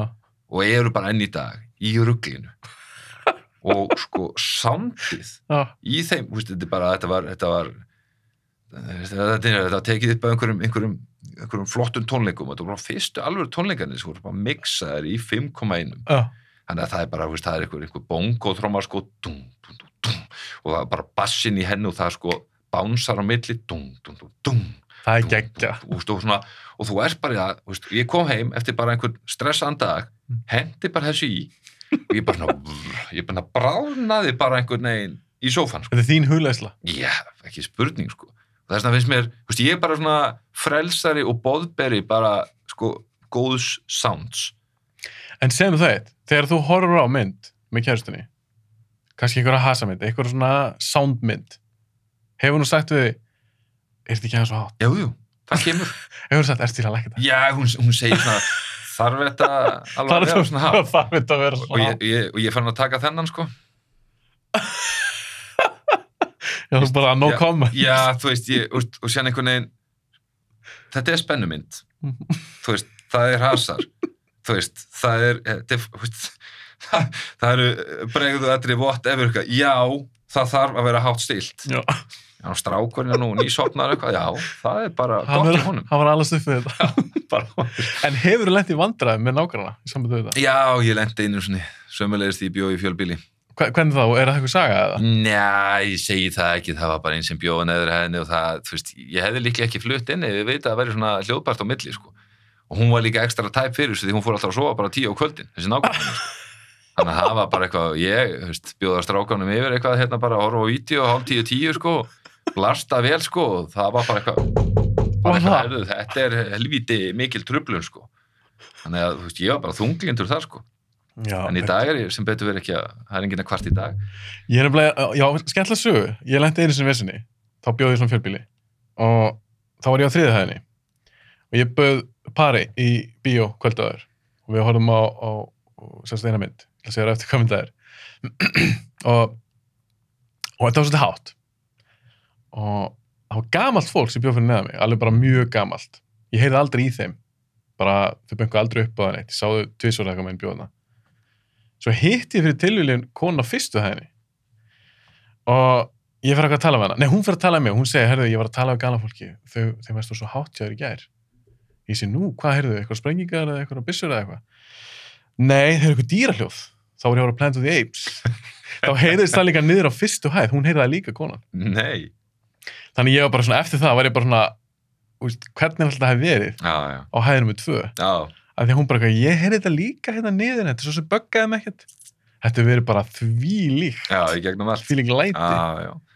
En þetta er, þetta er, það er mjög pyrrandi að, að, ég held að sé bara yfir höfu náttúrulega, ef fólk þarf að hafa ágjör að það sé að smita með háfaða og er tillitsamt eins og maður náttúrulega er sjálfur, þetta Mhm. mm -hmm. er ekkert eitthvað trubla einhvern, sko, Nei, nei, en, en það er líka leiðilegt að vera með það í bak, svona höndin einhvern veginn, það, að þú veist þetta gæti trublað, þá einhvern veginn ertu ekki alveg að njóta þess að, ekki eins. en kemur aftur að þessu, þú veist að segja, hef, hef ég hátt, skilur ég er ekkit bara með að hafa, sko, hef ekkit bara hátt til að hafa hátt, Ekki heldur. kemur aftur að þessu með soundið, skilur Já. þú veist, maður er ekkit bara eitthvað að þennja græjurnar eitthvað sem er bara eitthvað rífur í eirun og Nei. bara eitthvað, eitthvað vond sko Nei. maður er að gera þetta og það er ekkit alla myndir sem þóla þetta heldur Nei, nei, það er rétt. og það var mjög gaman, það var hérna það var hérna félagi mitt sem vann með mér í útarpinu sín tíma sem að hérna er, er, er svona hljóðhönnuður og Mhm. helviti mikill hljóðspekulant líka Mm. og bara með svona geggjað hérna hljóðkerfi og annað og, Mhm. og, og, og það allt saman og hann benti mér einmitt á á sín tíma hann sagði, ertu búin að horfa á hérna uppafsatriði og, og hold it sko Mm. í Final Destination 2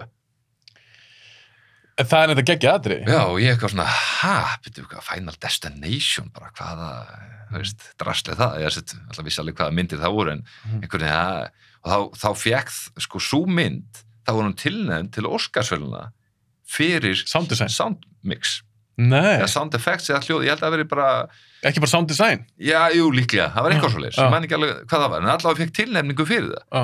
og hann sagði, þú verður bara að horfa á þetta og ég, hérna, Uh, þetta var einhvern veginn, myndin var ekki til lengur og veist, þetta var eitthvað svona þú veist, varst náttúrulega ekki með þetta sound einhvern veginn á DFD-disk og Mhm. einhvern veginn á Blu-ray og dót og þannig ég varð mér einhvern veginn út um þetta og, og meiri sér varð mér út um þetta þannig að sko ta tali er á ítölsku sko þannig ég get ekki eins og því hort á myndin En þetta er ekkert eitthvað underground mynd. nei, nei, alls, nei, en það bara, veist, það, það kemur enn og aftur að þessu, það er svo skrítið að sérstaklega þú ætlar að sækja myndir einhverstað á netið Mm. að það er bara oft í bóði bara eitthvað bara eitthvað venjulegt Er þetta að tala um að stela áskil? Nei, ég er ekki að tala um að stela Og það er ekki að tala um að um það. stela En það er eftirminnið aðri. Já, og, og bara, og ég setti og, bara, svona, wow Mm -hmm. þetta er alveg klikkað þegar, veist, þetta er, mannst eftir þessu Já. Svo Fara í detta gegnum, og gegn og þetta var bara svakalegt og þetta var alveg hárið eftir hann Mm. þetta var bara svona, wow En það er líka ekki dýmyndum bara því að það aðri, það er sem ekki að líka, það eru bílar að skransa og, og það er að fara í gegnum rúður, fólk að öskra, fólk að fá draslið í sig og örgulega svona hálfpartið bara að springa, þetta er Mhm. mikið afl. Þannig ég get alveg trúið að ég man nefnilega eftir þessu aðri mjög vel. já, þetta er svakald atrið, sko, fyrir utan náttúrulega hljóðið, það var bara svakald atrið, Já. þetta var rosalega flott atrið, atriði. sérstaklega fyrir svona low budget, kannski mynd, sko Já. þeir hafa einhvern veginn hugsað, ok, allt það sem kemur eftir er svona frekar low budget eða auðvelt að gera það, sko, -hmm. en höfum bara uppasættir í gegja, sko. Ég, er bara, ég man eftir einu í samtum það mynd sem er mjög áhugavert og ég hugst þetta oft þegar ég horf á bíómyndir. Það það. Og þeir gerðu þetta í alvörunni, þeir prófuðu, þeir voru með svona flutningabíl og voru með svona trjádrumba. Þeir prófuðu að skera á böndin og láta á detta. Já, já, Það var svo leðilegt. einmitt. Þeir rundu bara niður á, á göttuna, ekkert aksjón. Nei, nei, En svo horfður á myndina, þá var þetta þeitast ekki nú bíla og eitthvað já, svona. já, Ég vil það frekar, auðvitað.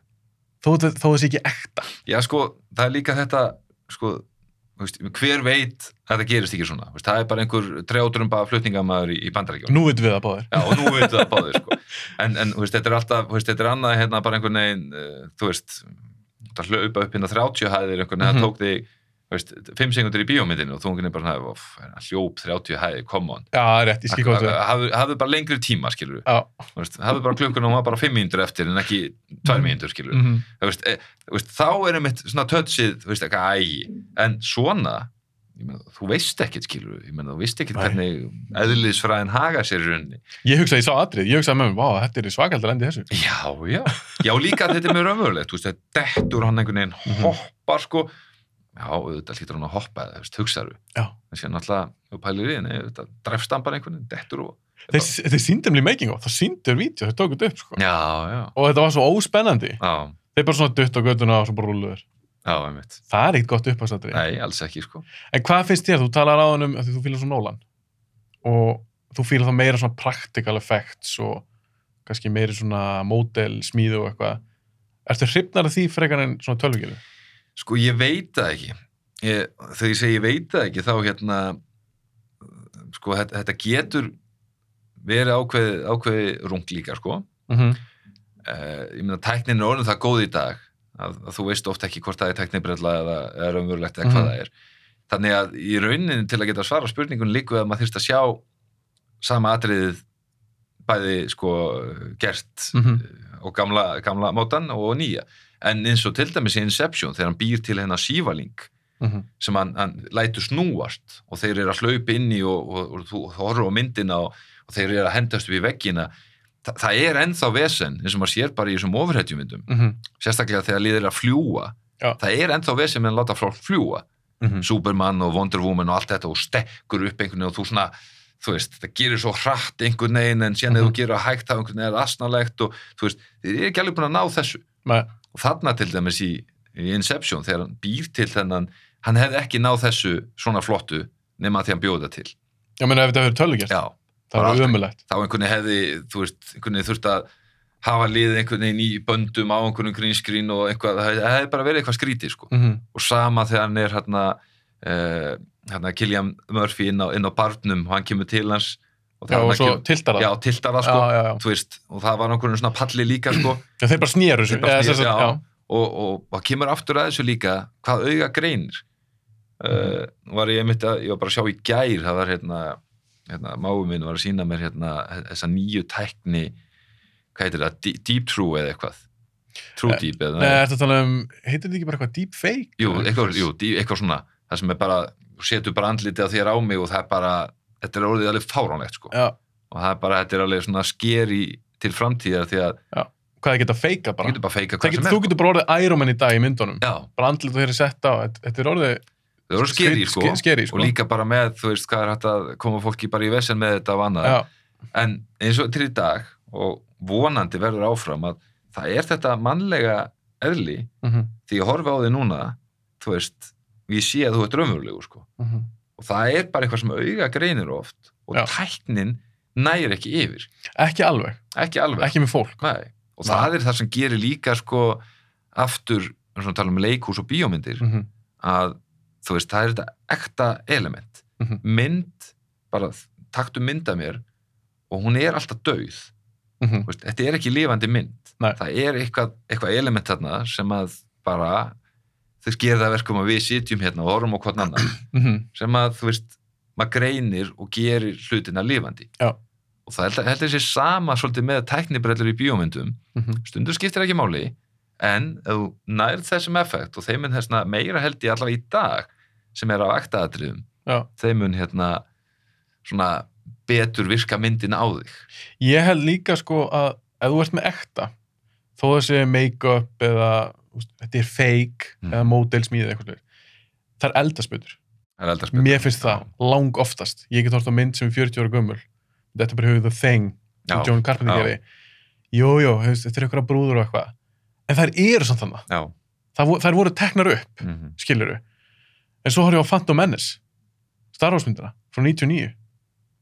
Skiluru, kemur næst í 20 ára setna út. Hún er hræðileg. já, Upp, þá er ég bara að tala um já, Það eldi svo illa að því tæknin er, það er svo örþróun í þessu, í þessu tölvutúti. Ein mynd sem ég man eftir sem mist eldast hellitu vel, það er Avatar.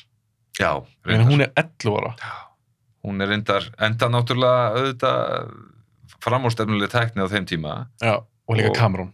og Cameron, en ég er sammála með það ég, hérna, hún er alveg hún er ótrúlega ennþá sko Hvaða tölvugjara mynd finnst þér flottar en Avatar? Já, það, ég held að hún sé ekki til sko Hún er ekki til, ekki bara fyrir tökjum út. Nei.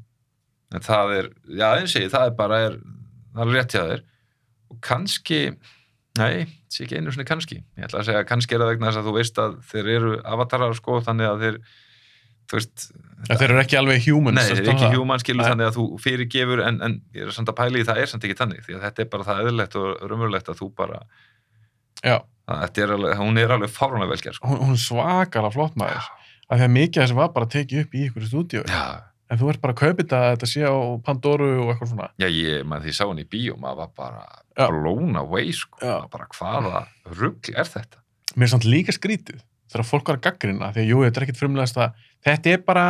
The Poca- World. Já, já. nákvæmlega, þetta er bara Dance with the Wolves og eitthvað. En er, er það það sem að satt eftir þér, þú horfður á myndina? Hann var til fyrsta lagi mjög góð sögumæður, Mm. mm. kameran alltaf verið það. hann er til þess, mér finnst hans hann og Nolan þeir eiga svolítið margt sammeilegt mm. en mér finnst Cameron alltaf að vera með góða sögur já, hann er góður sögumæður hann er það og þegar ég lappaði út á Avatar, ég var bara vá, djúvel var þetta að fá lott mynd maður Mhm. og ég get bara ekki beðið nei. og þrjú og fjögur og fimm Já, já. hann er alltaf að gera svo margar, vissi það já, já, ég hérna það verður áhugavert að sjá það vegna þess að Mhm. maður bara eiginlega svolítið virðingu fyrir því að hann skildi ekki vera að fara strax í tvö. Mm -hmm. bara upp á það, þetta er svona, herru, þetta var ógislega flott og nú langar mig að gera þetta ennþá flottara en þá Mhm. þarf ég að býða bara lengi. Og, og síðan er spurning hvað gerir sko, veist, hann, eins og segja, hann er góður sögumæður en, en hann uh, fyrst, hann hefur líka farið út fyrir kassan og verið að tengja sig kannski sérstaklega nú í setni tíð við verkefni sem eru kannski ekki alveg nógu góð hvað er með huga? Já, eins og, og Tortímandan til dæmis nýjasta, þú veist, þá, Í, þá, kemur hann aftur, sko, James Cameron skilur tengdur í og maður svona ég fyrir ekki það samt.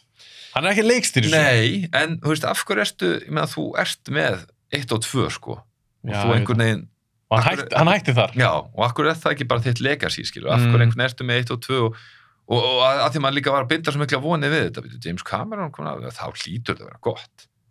Hann er ekki að fara eitthvað, að, þú veist, gera nýja mynd einhvern veginn og, og það, veist, og, þetta er líka óþarfi, þú ert bara, þú veist, þú ert ekki á aðteklinn að halda, þú ert ekki á peningum að halda, af hverju ertu að þessu? ég veit eins og með það því hann var eitthvað svona producer, eitthvað framlegandi Mm. ég sé stundum myndir, það er eitthvað plakat. From the producer of það, það gefur mér ekki raskat. Nei, nei. það er leikstjórn, lang oftast. Og þó hún hafi verið ekki góð drasl, alltaf ég segja hver er betri en James Cameron að gera framhaldsmyndir Aliens og. Terminator 2 Já, já, Þa- það er komast örgulega topp 5 hjá öllum upp á góða framhaldsmyndir. Já, ég sammála því. þannig afgrætt af þetta 2 ekki að vera geggjuð? Já, sko, eins og ég, held allan tíman hún verið geggjuð, Mm. en bara, sko, verður síðan, veist, fara að gera 3, 4, 5, þú veist, er það einhvern veginn orðið skrítið? Það verður challenge, sko. það verður challenge, ég er samt Já, það, ég, það, var eitt sem hann sagði sem ég var bara svona, vá, herru, geggjur pæling. Og hann sagði, ég vil gera þetta þetta á bara að vera epic. Þetta á bara að vera episk saga. Mm og hann sagði, ég vil basically gera bara Godfather avatarútgáfa, já, þetta sé bara svona kynns saga hjá mörgum kynnslóðum og ég var bara eitthvað, wow. Það er alltaf svakalegt, sko. það getur verið klikkað. Þá skil ég kannski okkur að það er fimm myndir. Já, sko, ef hann er búin að, ef það er búin að plana fimm myndir, hún skrifaði já, hana ok, þá er það bara flott. Já. En það er alltaf þetta, þetta element þegar menn einhvern veginn búa til eitt og, mm, já, herðu, ok, gekk vel, uh, hvernig var að hafa tvö? Já, hann kemur bara aftur þessi, hann var ekki döður, jú, en, en það sást ekki og eitthvað og, þú veist, eitthvað svona. En þegar þú ert búin að skrifa það, Mhm. þetta er saman svo bara með sjónvarserjur, maður sér svo vel, sko, búin að skrifa tvær serjur, þrjár serjur Mhm. og síðan alltaf menn í eitthvað meira, en það var aldrei gert ráð fyrir því. Það átti Nei. bara hætt eftir þrjár. Og þá eru menn komnir í eitthvað spin-off og tekst stundum, Mhm. en það er oft helvít erfitt, sko. En eins og með það samt, að ég hef kynnt mér þetta svolítið vel að skrifa bíómyndir og skrifa þætti að, og þetta er það sem að fylgir svolítið að skrifa svona, þú getur ekkert ætlast til þess eins og Lost, maður stöndið þeim. Já, þeir eru svo mikið gaggrindir, hvað, voruð þið ekki búin að plana þetta allt? Mm Það bara virkar ekki þannig. Þú getur ekki plana svona. Þetta fyrir til leikurum, stundum koma leikarinn og er bara svona, wow, hann er geggjað þessi leikari, herru skrifa meira hann tónum. Það er rosalega erfitt að mappa út kannski einhverja tíu serjur Algjörlega. Ég, er kannski meira meina svona, sko, að vera sangkvæmur sjálfum sem eins og með bara eins og Dark til dæmis, sem er á Netflix, þýsku þættirnir. Þetta er búin með alla serjuna Já, já. Og ég Mm. bara elska það, sko. Fannst þetta geggjað? Já, mér finnst það ekki ekki. Ég gat ekki þrjú sko Nei, ég hérna, ég mér erst þetta bara, sko, þetta er náttúrulega bara, sko, þetta er bara þögn þetta er bara engin trublun og bara sko bara örgjörun á fullu, þetta er alltaf svakalega erfitt að halda utan um þetta. Mér finnst að fara óum bort í þriðu Já, bara eitthvað svona, hei, brjála tímaflakk já, það er nóg að þetta fylgjast með því. Já, í því hvað mörg tímabil, svo bara, eitthvað, hei annar heimur líka, tjekkja þessu. Já, já, ha?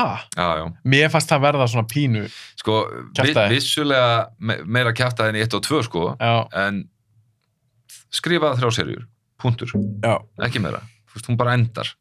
Og maður svona, allir komið fjögur? Nei, það er bara, ég ætla ekki að gera meira. Nei, en það sem er sérstaklega dark samt og það sem er ekki oft í þessum stóru þáttum er að þú ert með, ég held þessi kall og kona Mm sem gerir þess að þætti. -hmm.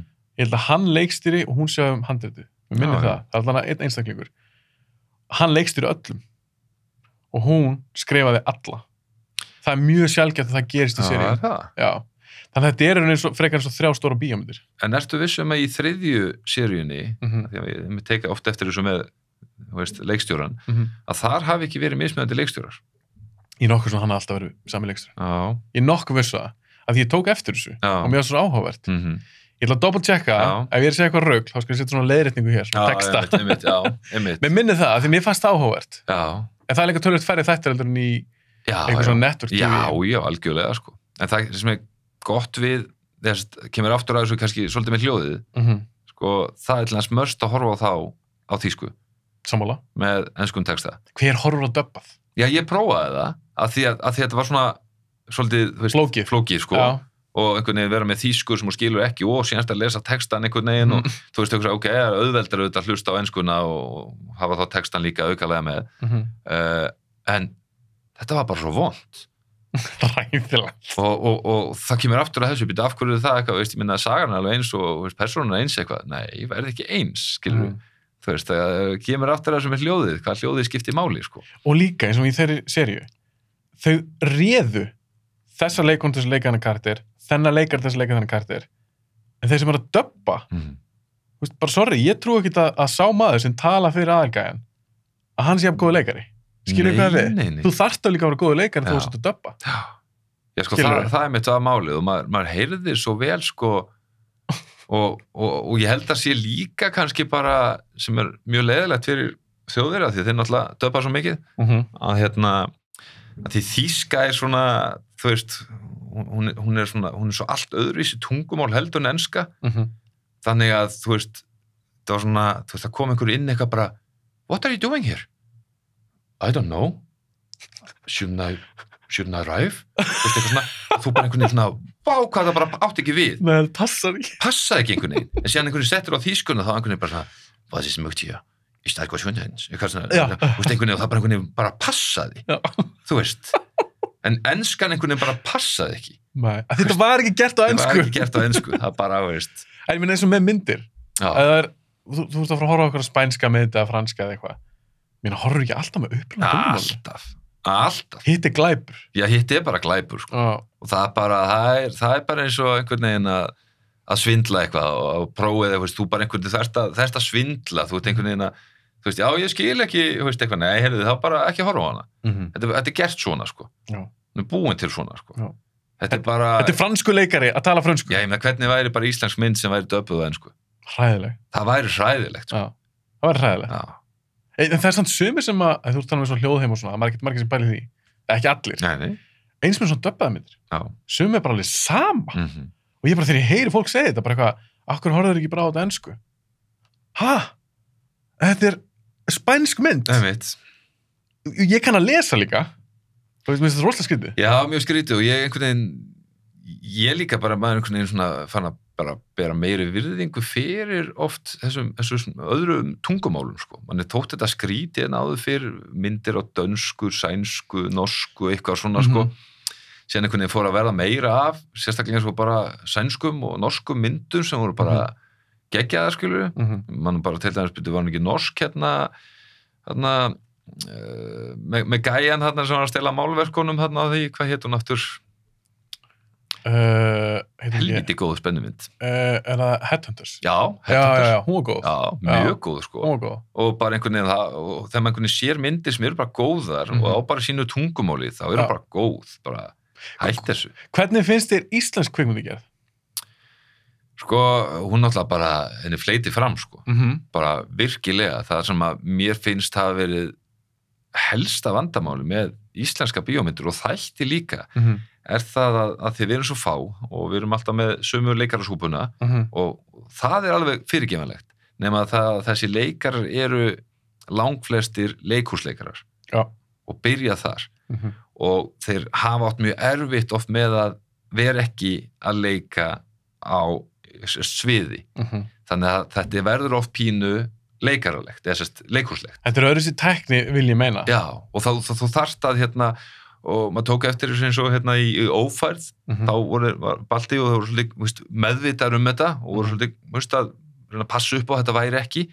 En ef það er ekki verið að passa þetta bara alveg út í ei, þá er svolítið með þetta drengur minn sestu nú hérna hjá okkur og, og, og fá þér súpu.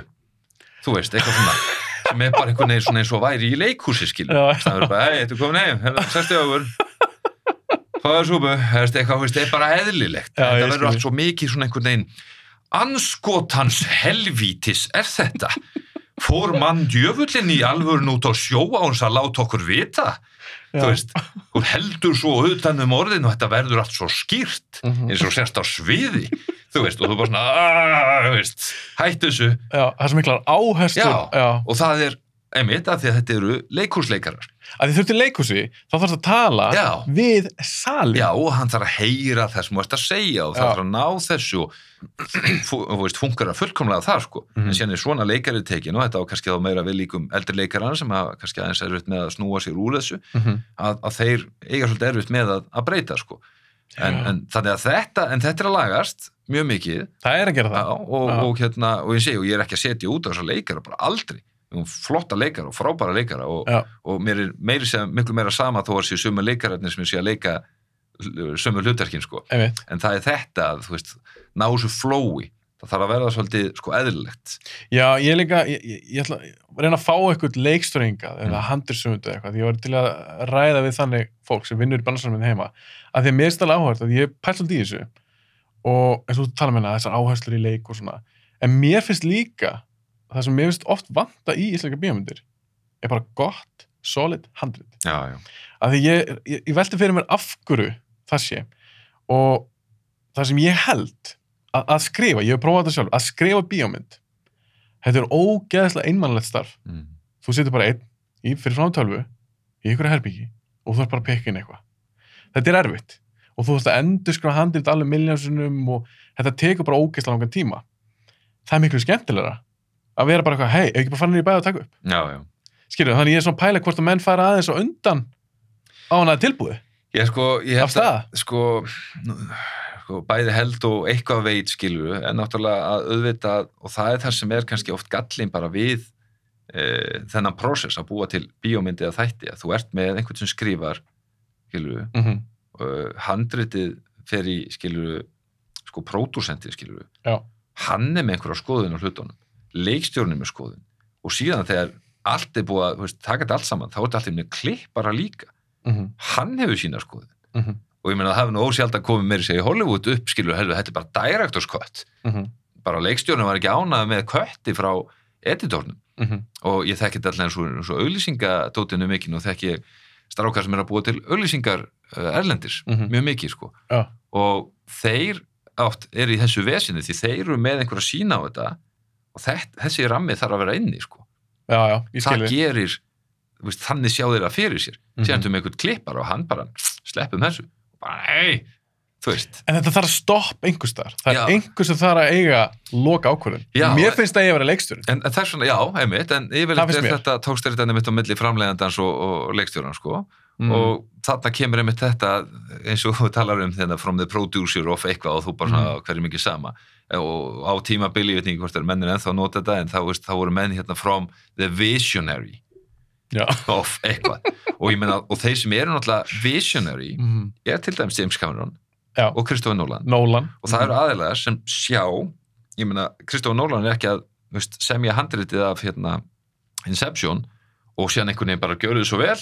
Bara farið og takið þetta upp. Sem kemur bara eitthvað tilbaka og það bara býtu, býtu, býtu þú veist, af því að ég meina ég sé fyrir mér að taka þetta upp hérna út á götu, skilur fyrir utan. Það er einhvern veginn þessi gata, þessi lýsinga einhvern veginn húsnæðingri, svona. Mm -hmm. ég læti þið fá þetta og það bara stendur hérna eitthvað bara bíl keiri niður götu í yðnaðakverfi eða eitthvað svona, Mhm. eitthvað og beigir eitthvað svona og eitthvað bla bla bla.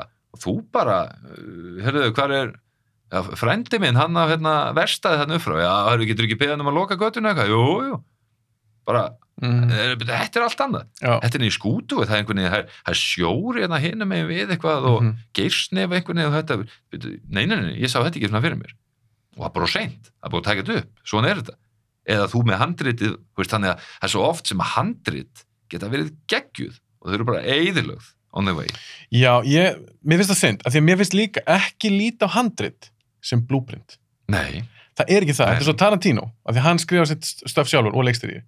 Hann, er, hann segir alltaf, hann segir alltaf, handritið þarf að standa sem standalone list mm -hmm. þetta er, þetta er búið, skilur, þetta er bara handritið og þá að standa. Mhm. Þetta er ekkit bara teikning að því sem ég ætla að fara að taka upp. nei, nei, En mér stundum margir klikk á þessu, eins og þau haldi bara, já, handrit, þetta er bara svona smá grunnur. já, já, Þetta er ekki bara smá grunnur. nei, nei. Þetta skiptir höfumáli.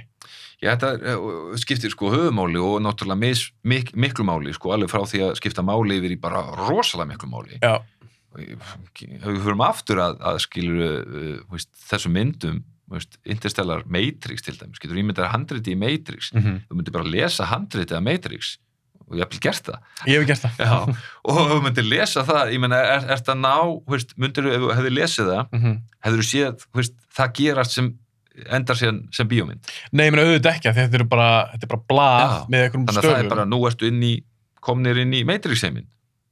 Og það er, veist, En af því, ef þetta er vel skrifað, eins og það, svo myndi er vel skrifað, mm, að þegar ég var búin að lesa, ég var bara, eitthvað, þú veist, þetta er geggjað, Já. en svo er náttúrulega líka að nefna það að ég sá þetta myndina fyrst, já, já, auðvitað, það spilar inn í, en ég alveg lesið mörg handið og ég er bara vá, ok, þetta, þetta verður solid mynd, já, já, en hún getur orðið alveg, veist, ég kannski sé fyrir mig góða mynd, en í, í réttum höndum, hjá Nolan, Cameron, akkurat. Tarantino, þá verður þetta kannski bara mistarverk, skilja, því þeir bæta alltaf sínu ón á handritið, já, já. en það verður að vera gott að hann vera að taka upp. Já, og það kemur aftur að því skilur ég meina, ég er með handriðina þú veist, þú ert leikstjóri eða eitthvað Mm þú veist, trist ég þig fyrir því þú veist, er, er ég bara einhvern veginn þetta handrið og þú lest það og þú bara, vá, herru sem byrjar bara að ferða á flug, ég er með alveg alla pælingar, ég, vá, þetta verður geðveikt sem bara verður ekkert geðveikt Nei, en þú verð, það kemur einhver tímapunkti, ef þú ert að selja, segjum þú sett handir sögundum, Mhm. þú vinnur bara við það, þá selur handriti mm -hmm. og ef þú ert bara einhver rúki, þú getur ekki sagt, nefn, ég ætla líka að fá leikstur þessu, það er eiginlega enginn að fara að gera það. Nei, nei, Það, er mjög fáið sem fá það, þannig að þá er eitthvað stúdíu sem kaupir það, þá er það bara úr þínum höndum, skilur en ef þú skilar að þig góðu verki, það er aðeins erfiðara að eigðalegja gott handrit, heldur en að gera góða mynd úr lélugu. Já, ég, Skilurðu, sérst, það er auðvöldra. Já, sko, það ekki, ekki nema og sérst bara með einhvern veginn eitthvað skemmtilegt plott, skilur sem er einhvern veginn bara basically, veist, handrit er ekkit spes en þetta er skemmtilegt plott Mm -hmm. og þú sem leikstjóri tekur það upp einhvern veginn og bara svona, heyrðu, það er hægt að gera miklu meira með þetta, sko. En síðan náttúrulega eins og maður veit, ég minna, auðvitað er fullt af fólki og sérstaklega eins og í, í bandaríkjónum auðvitað annars staðar sem er bara að semja handrit og er bara basically skýt saman hvað verður um það þannig, Mm. það bara, hérna gott handrit til ég að Mhm. borga þér hérna 12 miljónir fyrir þetta eða eitthvað og þú Já. bara, flott, sem heldur bara áfram Algjörlega. veist, og, og síðan allir oft þetta eins og segir, menn stundum eru menn að skrifa saman og við ekki um þáttum, þá er þetta kannski með heilt teimi sko, Já. bara fjóra, fimm, sex sem er að skrifa bara einhvern veginn og þeir þurfa að ná einhvern veginn saman og einhver dýnamík þar og eitthvað og maður er alveg tekið eftir, því, það verið, við, þæ- verið þætti líka sem að það dettur einhver úr uh, hérna handrið teiminu sko Já. og það ge- bara sýnir sig greinilega Já, en þar stoppar það, þess að, það að tala um bíómyndir eru fyrir leikstjóra, mm. sjónastættir eru fyrir handisönda. Af því að það eru toppanir sem ráða þar. Það eru sjórannur, það kallast að vera sjórannur. mm. Þannig þá er henni ertu bara, þú ræður. Þú ert henni næstu í leikstjóri, handisöndu, framleiðandi, þú veist, þú sér bara um allt. Þetta er svaka starf. Ég las mér áhverja bók sem fjallar um þetta starf að viðtalum fullt á svona sjórannurum. Og þetta er henni bara það mikið starf. Þetta er svo gæðan sikkert Game of Thrones, þeir eru tveir. Þeir voru spurðið, hvað ætlaði að gera þegar Game of Thrones er búið? Þeir sögðu báður, ég ætlum að fara að sofa. Maður Þetta er bara svona 24 set, bara svakalt starf. Uh, en eins og þar, þeir bera ábyrð á sínu tími, skilur Þannig ef að gæði þetta niður, þá get ég ekki kent þessum um sem skrifa þann þátt. Mér finnst ég geta kent sjónunum. Já, En ég vil alltaf hafa þetta, ég vil hafa að það er einhver ábyrgur. Og ég þól ekki að þetta tekið af leiksturum í bíómyndum. Ef þú að. En ég held að það sé bara, eins og ég aftur, þú veist, þú, þú veist, þetta er náttúrulega bara samningurinn í hver, og það skiptið, Mm -hmm. rosalega oft sem er kannski, eins og segi, þú veist, þetta er þín, þínir peningar, Mm þú ert með þessa peninga hérna og ég bara, veist, ég ætla að ráða þig sem leikstjóra -hmm. og ég treystir þér á fyrir því, en ég er að fara að fylgjast með þér, sko, ég, Mhm. ég er pródúsentin, þetta eru mínir peningar, sko, Mm -hmm. og þú ert allt í eitthvað, þú veist, og við erum búin að lesa saman handriti og við erum búin að stilla okkur saman, en þú allt í einu beigir bara allir vinstri, þá er bara, ap, ap, ap, ap, þú veist, ef við erum að tala um að beigja allir vinstri, Mm lægi, en þú veist, þetta er greinlega konflikti sem verður til, sko. Já, það er konfliktið, Já. það er alveg rétt þér, en það sem ég vil þá frekar sjá er að, ok, framleiðandinn, hann á kannski að passa þetta sig ekki fara úr böndunum, en allar svona creative ákvarðanir, mér finnst það að það hlýtur að falla undir leikstjóran, Mm. af því þegar þeir hittast fyrst, áðun að búa ráðan, þá er þið búin að taka fund. Og hann er búin að pitcha, herri, ég sé fyrir mig að þetta verður svona, svona, svona, svona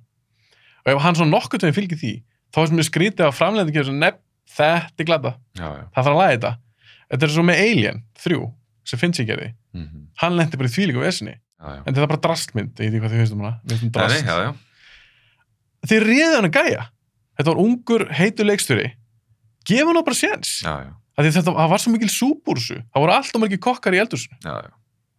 og það bara, mér finnst það alltaf uppskritt á eitthvað kjafta. Ég væri æstur því að tala um þetta. Já, ég, ég sk- skil það mjög vel og ég, ég er náttúrulega, veist, ég, veist, ég er ekki leikstjóri, ég er ekki hendur söfundur, skilur, ég er ekki að, Mm. að vinna við þetta, en, en maður svona, þetta er náttúrulega bæðið sem maður kannski heyrir sér annað eins og talar á með þú veist, alien, ég held að máli sé bara oft líka út með kannski, þetta er þitt breyk, mm -hmm. bara, þú allt í nú far breyk til að leikstýra einhverju. Mm og þá annarkvort, ég menna, þú veist, bara, veist, það, út með James Cameron hérna sem er einhvern veginn að fá, gefa þér breyk, veist, þú veist, hversu mikið stendur með sjálfum þér og hversu mikið bara einhvern veginn, þetta er James Cameron. Þannig að þú ert með eitthvað vision, mm. þú ætlar að gera eitthvað öðruvísi, að því hún sérst að segja, átt ekki menn hei gerði þetta bara. Mhm.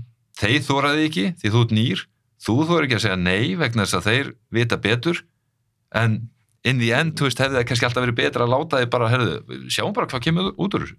Hann er með eitthvað vision, hann sér eitthvað fyrir sér, já, sem leikstjóri sem leikstjóri, sko. Og ég er svona, ég held að þetta sé bara, þú veist, þetta er ógeðslega flókið og ég menna maður séð þetta konflikt, þú veist, mm aðalega milli framleiðenda og leikstjóra sem að er bara greinlega og er bara mjög algengt. Það verður bara einhvern veginn já. eitthvað ósamramið þar í gangi. Mm Það er því að auðvitað eins og segir, mér finnst að leikstjórun eigi að vera bara sá sem segir loka orðið í þessu. mér finnst það Þú ert bara leikstjórin og þú bara, herri, ég er með eitthvað vision á þessu, eða út framleiðandi menn þú bara eins og e, veist, jú, þetta eru peningarnir og allt það en ef þú Mhm. myndir horfa á sem banka, ég menn það var enginn að koma frá bankanum eitthvað á sett og, og horfa skilur og segja, þetta eru, lánaða peningar í bankanum, mm bara sjá hvort þú sést að gera rétt en veitu, hvað veist þú, hvað er að gera rétt og ekki erst þú leikstjórið það? Nei, Mhm. nei, herri, bara Já. step down sko þannig að auðvitað finnst manni það ætti að vera þannig en síðan eru ekki fullt af framleiðendum og leikstjórum sem er ekki sammála sko. Nei, nei, algjörlega. Ég var líka geða til að tala um eitthvað svona framleganda sem sér bara með framlega og er ekki að leikstýra henni sjálfur. Af því að mér finnst það áhugavert og ég held samt að hljóta vera munur ef þú ert að vinna fyrir James Cameron, mm -hmm. þú ert að gera nýju törminutur, þú ert leikstýrin, hann er framlegandinn. Hann er líka leikstýri, skilur. Heldur en eitthvað jakkafætta gæi sem er bara på skrifstofu og sér um peningana. já, já. Hann er, það er ekkit kreatív gæi. Nei, nei, Eða allavega ekki eins mikið á maður myndi halda. nei síðan, sko, maður horfir sko, ég veit ekki hvort það er gott dæmi, því ég þekki það ekki bara nóg vel þú kannski þekki það, en mér finnst mjög skemmtilegt hérna konseptið sagt, uh, þarna hjá Blumhouse Já. og þar náttúrulega er þessi Jason Blum Mm sem er sem að finnur upp á því og býr það batteri einhvern veginn til -hmm. og það sem er skemmtilegt við það finnst mér er það að, að, að, að ert einhvern veginn búin að vera með enn Blumhouse stimpil Mhm. sérstaklega, veist, aðeins búið að svona þinnast út núna, Mhm. en ég með það var get out og, veist, uh, veist allar þessar myndir þarna Mhm. Happy Death Day, nummer eitt einhvern veginn sem var mjög skemmtileg og mm þú veist, og bara svona bara, hann bara sett sér markmið til að búið til ódýra myndir sem eru skemmtilegu, skemmtilegu plotti -hmm. og bara hellingaðum, skilur Mhm. bara fýta þetta út á markaðin og hann, hann virðist ekkit vera að skipta sér meira af hlutunum heldur en það Mhm. skilur það er bara fullt af handritum kaupum fullt af handritum, herru, skemmtilegt handrit hérna og það er bara, herru, leikstjóri og eina sem þið gerir alltaf mitt from the producer of Get Out eða eitthvað, eða Mhm. Blumhouse stimpillin eða eitthvað svoleið, sko Já, síðan er bara veist, svolítið misjafnar en samt korið það sama eitthvað twist, eitthvað plot uh, óþekti leikara jafnvel mm og einhvern veginn bara svona virkar. Þetta er bara flott, þetta er bara pop og kók þetta er bara ekta pop og kókmynd Já, mér finnst gott að nefndi Jason Blum að hann er svona áhugaður, að hann er með þetta Blumhouse sem er einu bara framlýslu fyrirtæki og það sem mér finnst enginn að hann sem til segja að hann verið góðu framlegandi er því að hann, leiðir, hann leifir listamannum að ráða. Nákvæmlega, að því hann, það sem hann hugsar og þetta er svolítið sniðið hjá honum hann hugsa, ég skil ekki ég ætla ekki að eða 100 miljón dólar í þessa mynd. Sko með að 15 mm skilur við af hverju þurfa að kosta 100 miljonir það þurfa ekki allar myndir að kosta það. Nei, nei. svo er þetta margar bara gæða myndir hjá honum. Og mér finnst hann hugsalega um það frekar, að gera bara metnaðfullt verkefni og vandað heldur en bara hvernig get ég grætt peninga hvernig get, þetta er ekki svo Netflix. Netflix er bara í magnbransunum þeir eru bara dúndra út efni þeir eru ekkert þessum gæði. Nei, nei sko, ég veit ekki, þetta, þetta kemur aftur að þessu, sko, oft með myndir, það er svo ein, ein mynd sem er í svolítið uppáhaldi hjá mér og kannski vegna þess að hún komir svo mikið óvart og, Mm. og hérna, uh, sko, kostaði, ég veit ekki hvað hún kostaði, sko, hún Mm. kostaði bara, kostaði náði miljón dollarum með eitthvað og þetta er bara eitt location og, og tveir eða þrý leikara, skilur og það er hérna myndin Hush. uh, sem er á Netflix Ég, held hana? já, hvort hún er komin eftir, hún er hérna með, þetta er heyrnalus. heyrðanskona og það er morðingir hana Já. Já. og bara ógeðslega einfalt konsept skilur við, Mhm. og bara þetta er eins og þetta er allt tekið í einhverju, einhverju einu setti inn í, veist, á verið einu húsi einhvern veginn, Mhm. þetta er bara hún einhvern veginn þessi morðingi og hún er bara mökk spennandi Mhm. og bara, eins og ég, kostaði ekki neitt Nei. síðan kannski segjum eh, en síðan koma hinnur og segja að þetta er bara ógeðslega ódýr mynd gerist í einu location og hvað? Þetta er bara entertainment, skilur við Já, þú veist, er þetta að virka? þetta er bara, vir- var, var það skemmtileg mynd, þú veist, bráði þú veist, og, og, og, og, þetta er pínu svona óþægilda því að þú svona, vá hvað væri óþægild að vera heyrnalus Mhm. og er í þessum aðstæðum Mhm. það er bara einhverja læða staðir og, hann tekur á, hvort það er einu með nokkrum stöðum, bara svona búm, hljóði í burtu Já. Það er bara alveg þögn Já. og það er bara eitthvað að gerast og þú sér eitthvað gæjan eitthvað á glugganum með eitthvað og þú bara svona wow, er Þú óþægilegt?" ert ert í þessu momenti Já. og þetta er bara svona, wow, þetta er rauninni sami sem með quiet place, skilur Mhm. þú veist Ég þóldi hans að því. Ég hata hann Já, en, en sko bara svo, þetta er bara er sviðpæling. auðvelt konsept, skilur en, en samt, þú veist, sem kemur aft- aftur að þetta, þetta er saman svo með uh, svo leiðild þegar fólk er að gaggrína Mhm. auðvelda hluti. Býtu, ef þetta er svona auðvelt, akkur gera ekki sjálfur? Já, þú meina, þetta er ekkit merkilegt Nei, þetta er já. merkilegt, það er bara eitthvað, hverju þrý leikarar og eitthvað, þú veist, eitthvað, þetta er ekkit merkilegt. Þetta er sami allt bara í lífinu, skilur Mhm. þegar þú bara opnar hérna bara einhvern, einhvern pilsustað og það er brjála, brjála að gera og þá Mhm. færði hérna bara, hvað, þetta er ekkit merkilegt, þetta er bara einhver pilsustaður.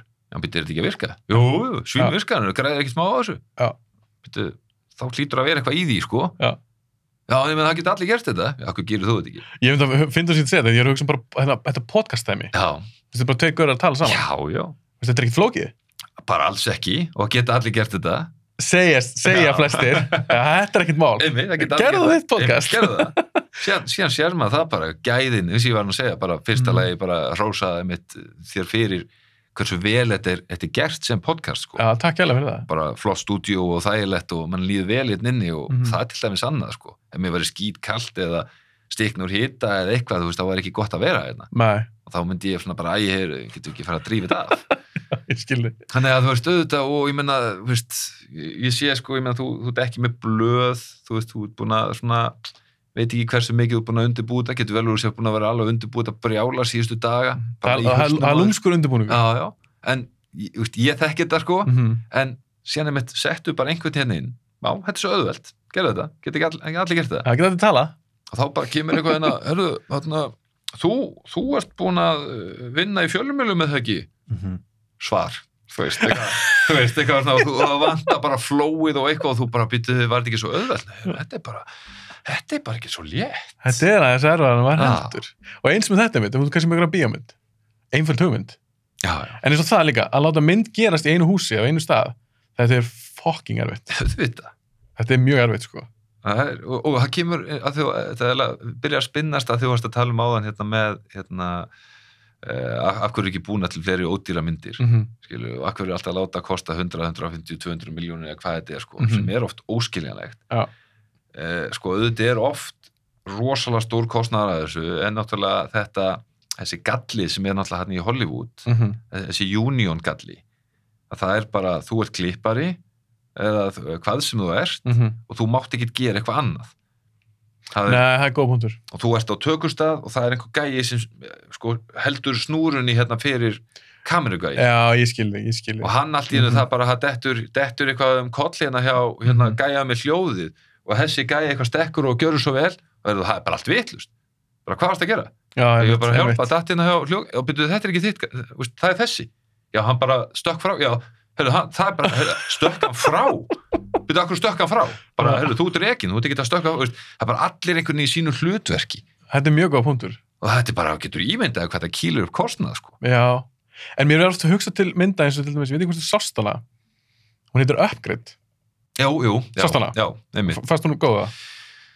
Hún var hérna, eh, sko, ég, veist, ég sá dómana fyrst mhm, sem að kannski í því tilfelli, þú veist, hún, hún fekk rosalega góða dóma mhm, og bara rotten eitthvað elskaði hana og auðvitað, elskar ofta rotten eitthvað sem er ekki alveg, mhm, þú veist, og það er svona svolítið erfitt ofta að maður þarf aðeins að lesa á milli línuna í þessu. mhm, Mér hafst mjög margt gott í henni. Já, og, hérna, og svona skemmtileg svona, entertainment, aha, þú veist, og þannig, hérna, en kannski ég sati ekki mikið eftir en, en hún var alveg, hún var skemmtileg, sko. ég dýrka þessa mynd. Já, Ástæðan er meðföld. Uh, ég er mikið fyrir Robocop. Gömlu sci-fi myndir sem kostu ekkit alveg handlegg, samt alveg flottar, mhm, fyrir fullar fólk. Það er sem uppgriður. mhm, Uppgriður var bara svona, ég veit ekki alveg hvað hann kostaði, en hún er ekki verið dýr. nei, Hún, er samt ekki alveg low, low budget. var hún ekki Blumhouse? Jó, mér minnir bara það sem Blumhouse líka. Og, og hún, einhvern veginn, það var eitthvað sín. Hún var skemmtileg. Mm. Það var ofbeldi í henni. Mhm. það var eitthvað svona grunn hugmynd hjá sem gæja, hann bara, já þetta er gaur sem skrifaði svo, hann er leiksturinn og skrifaði þess já, og ég var svo ógeðslega ánægð með hana mér fannst hún bara, þetta er ekkit bestu mynd síðan séð, en ég var svo gladur að því í dag er þetta orðið svo mikið það verður að vera já, verður að vera framhaldsmynd verður að endurgerð, verður að vera bönnum 12 óra þetta er svo leiðilegt já, já, þó ég fíla alveg overtmyndir en þú veist, getur við fengið líka eitthvað svona original? Já, já. Ég er ekki, er ekki samt pínu verið að snúa þessu við núna, nú sér það eins og til dæmis, nú eru þessi nýju þættir hérna sem Amazon Prime er með, þarna Boys, já, geggjar það bara brútal ofbeldis þættir skiluru, mm -hmm. og ég mitt einhvern veginn verið að taka nýja link þar á vinkil og alltaf hefur komið svona myndir þættir sem eru svona allt öðru í og þetta verður allt mökk vinsælt því það er, eins og segir, þetta er ekki bara heyrðu, höfum ofbeldi, Nei, þetta er, þetta- það er pæling á bakvið það þetta er vandað þetta er bara vandað, Mhm. bara flott, flott stöf og hérna og það skiptir, eins og segir, hvað er markkópurinn sko, Mhm. menn, menn þú er þessu greinlega í, í sjónvarpi en í bíómyndum eins og segir, það er bara þetta getur verið 100 miljón dólar hérna bara því að hún er 16 stað fyrir 12 Já, eða 18 í bandaríkjónu sko. Já. En þess vegna er svo ánægð að það Joker kom út. Já, einmitt. Að því það er mynd, bönnun er 16 hún er alveg frekar svona fullónislega þessi mynd. Mhm. og þeir voru að taka sénsa þeir treystu bara leikstjórnum þó að þú veist, hans trakkar eitthvað er ekkit mér finnst það ekkit spennandi, mér finnst hangover, hangover myndin ekkit skemmtilega mm. Mhm. hann gerir þessi mynd, hann segir bara, herri, ég meina hugmyndina fyrir Joker. Og hún er bara, bara herri, ok, látum við fá pening. Hún kosti held í 60 miljón dólara hún var ekkit að dýr, Nei, nei, hún tók inn sko billion dollars worldwide og þetta er svo gott fyrir framtíðina upp á, upp á það að gera ef að þú ert leikstjóri, þú kemur eitthvað hugmynd. En þeir langar að gera eitthvað overage eða eitthvað en hún verður að bönna hún 16 samkvæmt þinni sín, Mhm. þá er miklu líklara að stúdíun segi, segi já við þig af því að Joker gekk vel, já, já, skilur, við, við fengum Watchmen frá Zack Snyder út á 300 akkurat. Því að henni gekk vel, bönnun er 16 byggði á tegnmyndsögu, þá sagði hann við þá herðu, ég vil gera Watchmen, Já, já, en hún verður að vera svona, svona, svona, svona. Herru já, hann Zack Snyder, hann var að gera geggjaða myndin um daginn og við grætum vilja peningum, ok, hann mótt gera það. Þetta er svo mikilvægt. Já, já, já, já, algjörlega. Og þeir náttúrulega prófuðu þetta með hérna uh, hafa gert þetta með náttúrulega svona nokkra svona ofuhutju myndir. Mm -hmm. veist, Deadpool, Deadpool, Já, Logan. já, og hérna, og gengi vel, og gengi vel. Þeim er öllum gengi Já, vel. þannig að menn svona kannski þess aðeins meira en þetta, þetta, þetta skilum á stundum sko, þetta er náttúrulega svakalega mikið undir oft á tíðum sko, og ekki bara undir náttúrulega eins og segir, því að ef þetta er lænað upp sem, heyrðu, þá er 1, 2 og 3 eða eitthvað mm -hmm. eins og til næst með Deadpool. Já. þetta er hörsku risk. Já, já, ef eitt virkar ekki þá getur við get allt í einu haft tvö bara minna ofbeldi og hún er allt í norðin bara eitthvað einhver barnaminn skilur nei, það er ekki hægt. Veist þannig að verður þetta lagi? Æs, þú veist, þá getur við gert tvö alveg eins og þrjú eða whatever skilur en, en veist, við erum meina eitthvað gulllegg, þú veist. Og hvort er það gulllegg 12 ára eða gulllegg 18 ára sko. En máli er, þeir mega samt ekki svíkja aðdóðunar, Nei, það, það sem getur gerst og það hefur gerst, þeir gerðu til dæmis þeir gerðu Alien vs Predator. Allar Predator-myndinar og allar Alien-myndinar voru búin að banna það 16 mm ofbeldi fullónsmyndir svo gerir Alien vs Predator og bannum 12 ára. Já, já, akkurat. Veist, og fólk snerist bara gegn þessari mynd. Já, já, og ég er ekki að segja að verða að vera ofbeldi en þetta verður inn að vera opið fyrir leikstjóran að gera þá mynd sem hann vil gera. Mm þetta gerist líka með Expendables með Stallone og allir þessu liði. Já, fyrst að koma út og var það alveg bara svona, ég, allir voru sánað með hana veist, þessir, þessir hardcore nörda sem fíla svona hasamyndur og þessar hetjur. Höfðu gaman að þessu, þeir eru að skjóta allir tætlur og eitthvað. Svo kemur, held ég, þrjú bönnum 12 ára, já, með mitt fólk var brjála Þú veist, hvað er það að pæla? já, já, Ég veit hvað þeir eru að hugsa, hei, ef hún er að 12 ára, þá fáum við ennþá meiri pening. mhm, Nei, svo floppaði hún bara. já, já. Þú veist, ekki svíkja. nei, þú verður að vera samkvæmum sjálfið þig, sko, Já. það er ekki spurning, sko. Og það, eins og ég, ég held að, ég held að þetta sé bara ógeðslega erfiður heimur, ég held að sé rosalega marga skoðanir, sko, þetta eru Mhm. svakalega margi fundir, veist eitthvað, þú veist, eitthvað hafa þetta svona eða svona, er þetta 12, er þetta 16, er þetta 18, Mhm. veist hvað er line-upið, og síðan, ok, finnum það, er 12 ára, finnum á leikstjóra fyrir 12 ára, það er ekkit enda sami leikstjóra fyrir 18 ára, sko. Nei, nei, nei, nei. Það er bara, erfið, þetta er svona, það, þessi leikstjóra, hann er flott fyrir það Mhm. og það er bara alls konar debate og veist, hvernig er veist, bara, veist, er stemming þessu núna ekki, Ég meina, maður sér það líka í, í bíómyndur svolítið mikið, þessar sveiflur Mhm. koma bara tíu grínmyndir í röð sko. Síðan er bara ekki ein grínmynd og maður bara, vá, akkur kemur ekki grínmynd sko. og, og, og, allt í hennu var bara, ég meina á, á tímabilið þá var allt þetta svo paranormal activity og allt þetta einhvern veginn svona Hostel. hostel og bara Mhm. bla bla bla sko. og síðan allt í hennu bara ekkert og taldi um svo reyndar ég veist, bara, það geggja koncept sko Mhm. og bara, þú veist, náttúrulega ógeðslega myndir, Mhm. en ná sko að þú varst að tala um það og við byrjuðum að tala um hérna þessa persónusköpun og annað Mhm. þar ertu bara með góða tengingu í liðið, Já. það er bara þessi fáiði og þér er alveg sama þó hann dreipist Já. Þessi bara, hann á skilið og þú bara, æ tókst ekki inn, ei, leiðalt en maður átti að skili, þú ert með rosa mikla tengingar þar Mhm. og á sama tíma hann var að búa til skemmtilegt plott, Mhm. þú veist og, og fáði alveg til að hugsa Mhm. veist, með að bottom line í þessu er respect life skilur Já. það bara, þú veist, áttu skilja að lifa en, þú veist, en byrju, þú vilt ekki drepast Mhm. það vilt ekki drepast þegar svona skýt saman lífið eða aðra, þú veist, þú veist þannig að, veist, þetta er mjög skemmtilegt konsept Mhm. og er rauninni miklu dýpra heldur en veist, myndirnar eru og fólk heldur að myndirnar séu, sko, það er bara svo, þetta er ekki bara hryllingsmynd Ég meina það var líka alveg vandað og málega þetta eru tveir gaur sem gera hann til dæmis og þeir kynnast, ef ég fimm rétt mál með minni það, þeir kynnast í kveikmyndaskóla mm. þeir eru ástraskir og þeirra ferill er búin að fara ég meina, hann gerir Conjuring leiksturinn, Mm. hún var bara Conjuring finnst mér hrikalega góð draugamind fyrsta, Já, já. Og þetta er búið að koma með nokkuð spinn-off, þetta er bara, bara heimur þakks í honum. Hinn leiksturinn gerir upgrade, eða sérst handrisundur segi, hann var síðan leikstur núna. Hann gerir upgrade, hann gerir Invisible Man sem var mjög Mhm. mm -hmm. la la en ég meina vöndumynd. Og mér finnst bara gaman að sjá að það var talent. Já, já, skilur við, að baku svo. Þetta er ekki bara ógið nei, nei. Það er málið, og ég meina fyrst er svo einmitt þegar maður sá hana, maður bara, maður vissi ekkit hvað maður var að fara á, sko. Nei.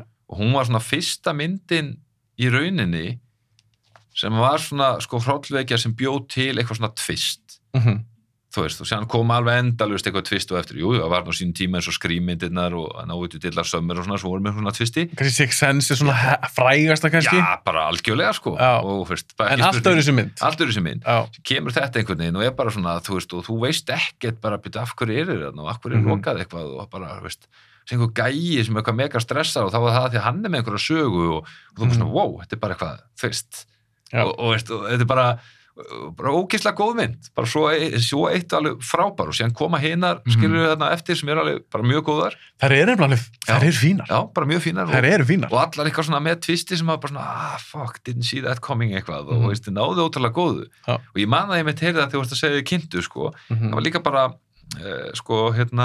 að að Mhm. drifkrafturinn og annað í þeim þeir, mannst eftir í kannski fyrstu myndinni þeir voru með hérna uh, veist, það var þessi hérna, þessi hérna hjálmur, Já.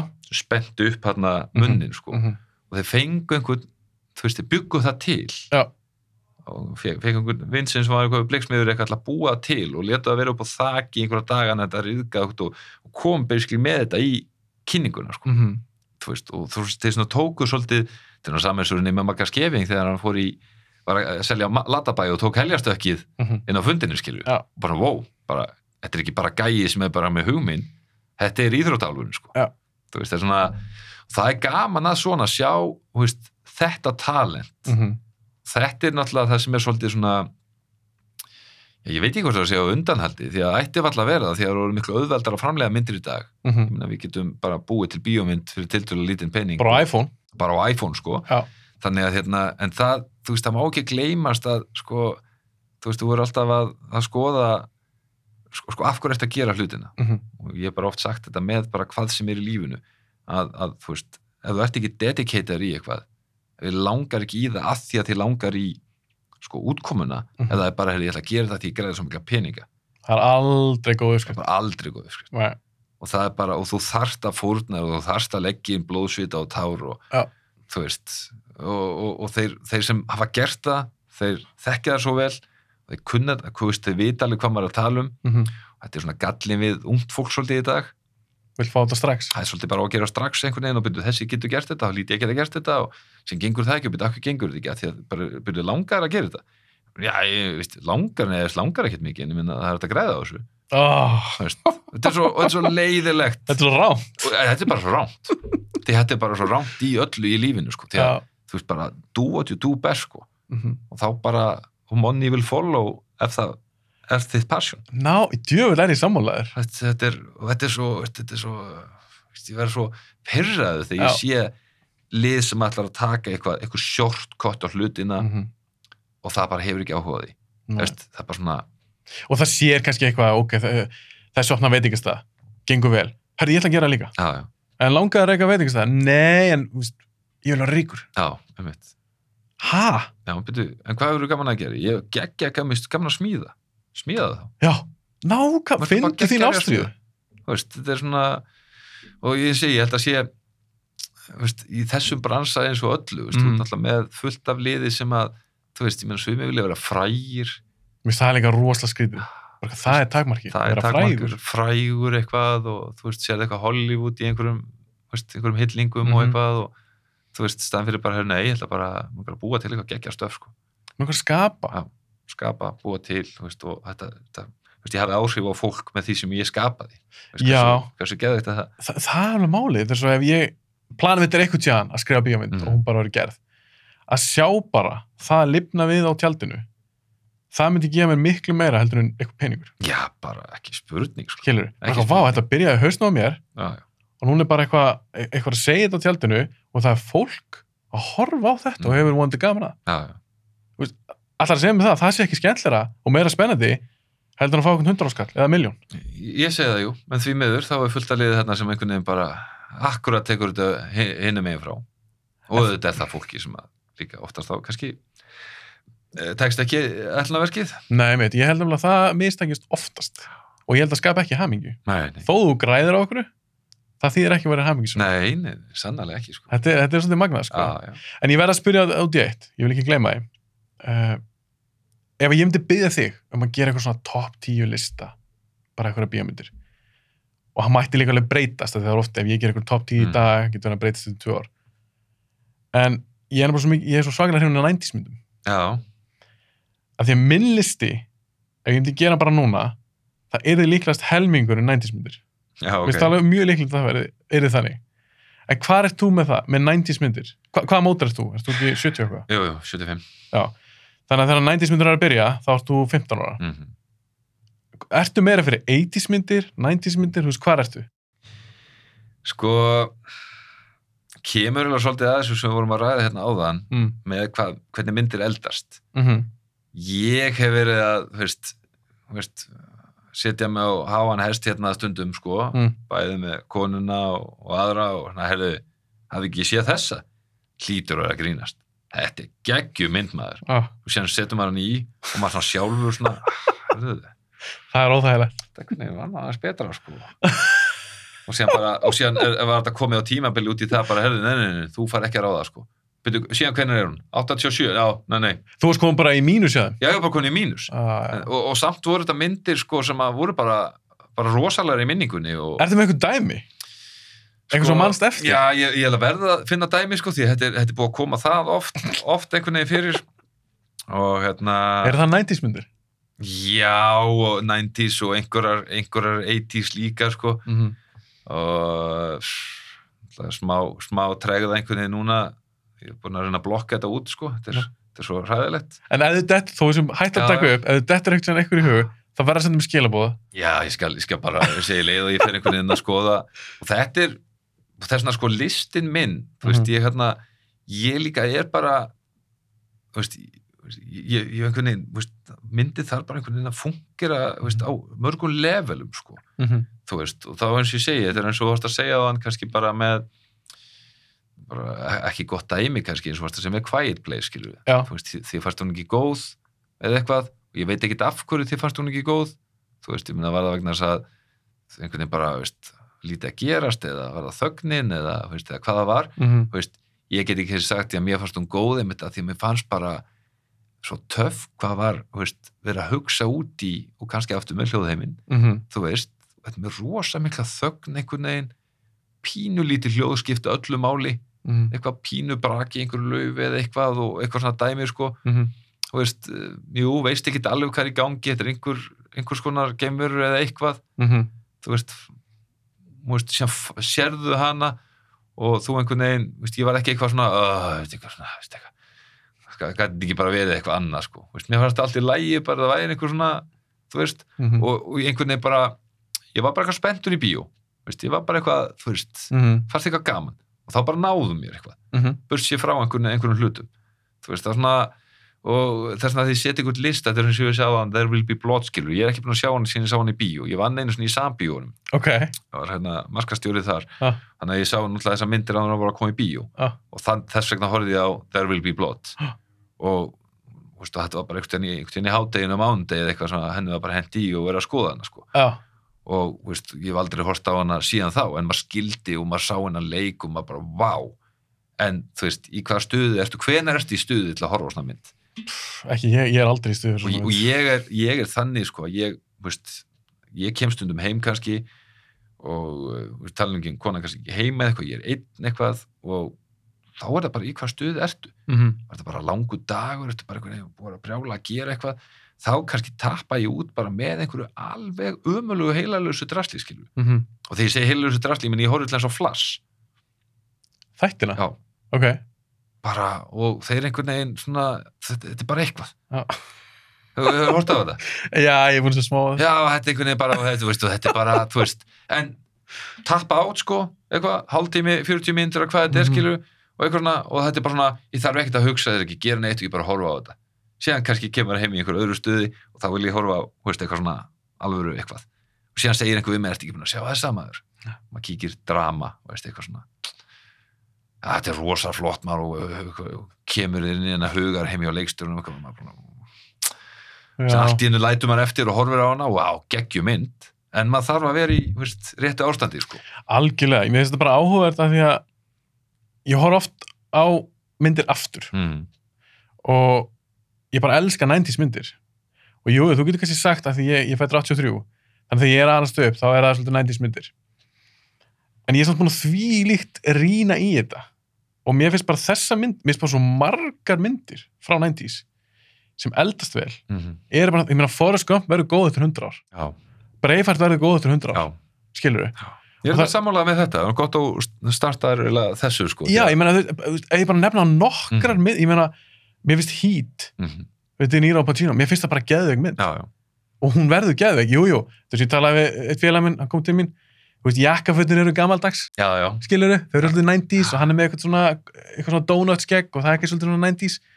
En bara sagan, leikararnir, atriðin, mér finnst tónlistin eða þá töff í henni. Mm Þú veist, sumar eldast bara mjög vel. Og það er bara svo marga frá þessu tíðabili. Fugitive með. Harrison Ford, geggi spennum. Akkurat.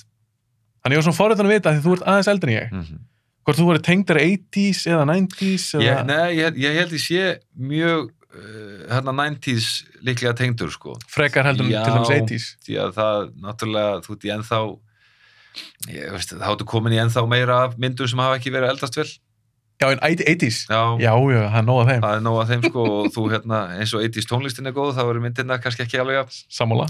en hérna, en það er það er þetta sem að kannski hvað er að segja pyrra mig oft líka við þessar myndir og sérstaklega komin kannski onni í 80s það er einmitt þetta að myndgæðin er ske- skemmtileg mm Mhm. veist, það er jafnvel einhvern veginn það er einhver svona hristingur í myndinni sem að einhvern veginn Mm á ekki að vera -hmm. og hljóðið er oft helviti og, allt hljóð sko, Mhm. talandin líka í atriðunum, þú fær Já. svona þú veist og, og einhvern veginn, þú veist, þú veist að það er mikið þarna af, af senunum einhvern veginn og það er svona, veist, þannig að þú er búin að taka út rosalega mikið af svona þessu sem ég var að tala um á þessari hlýju. Já.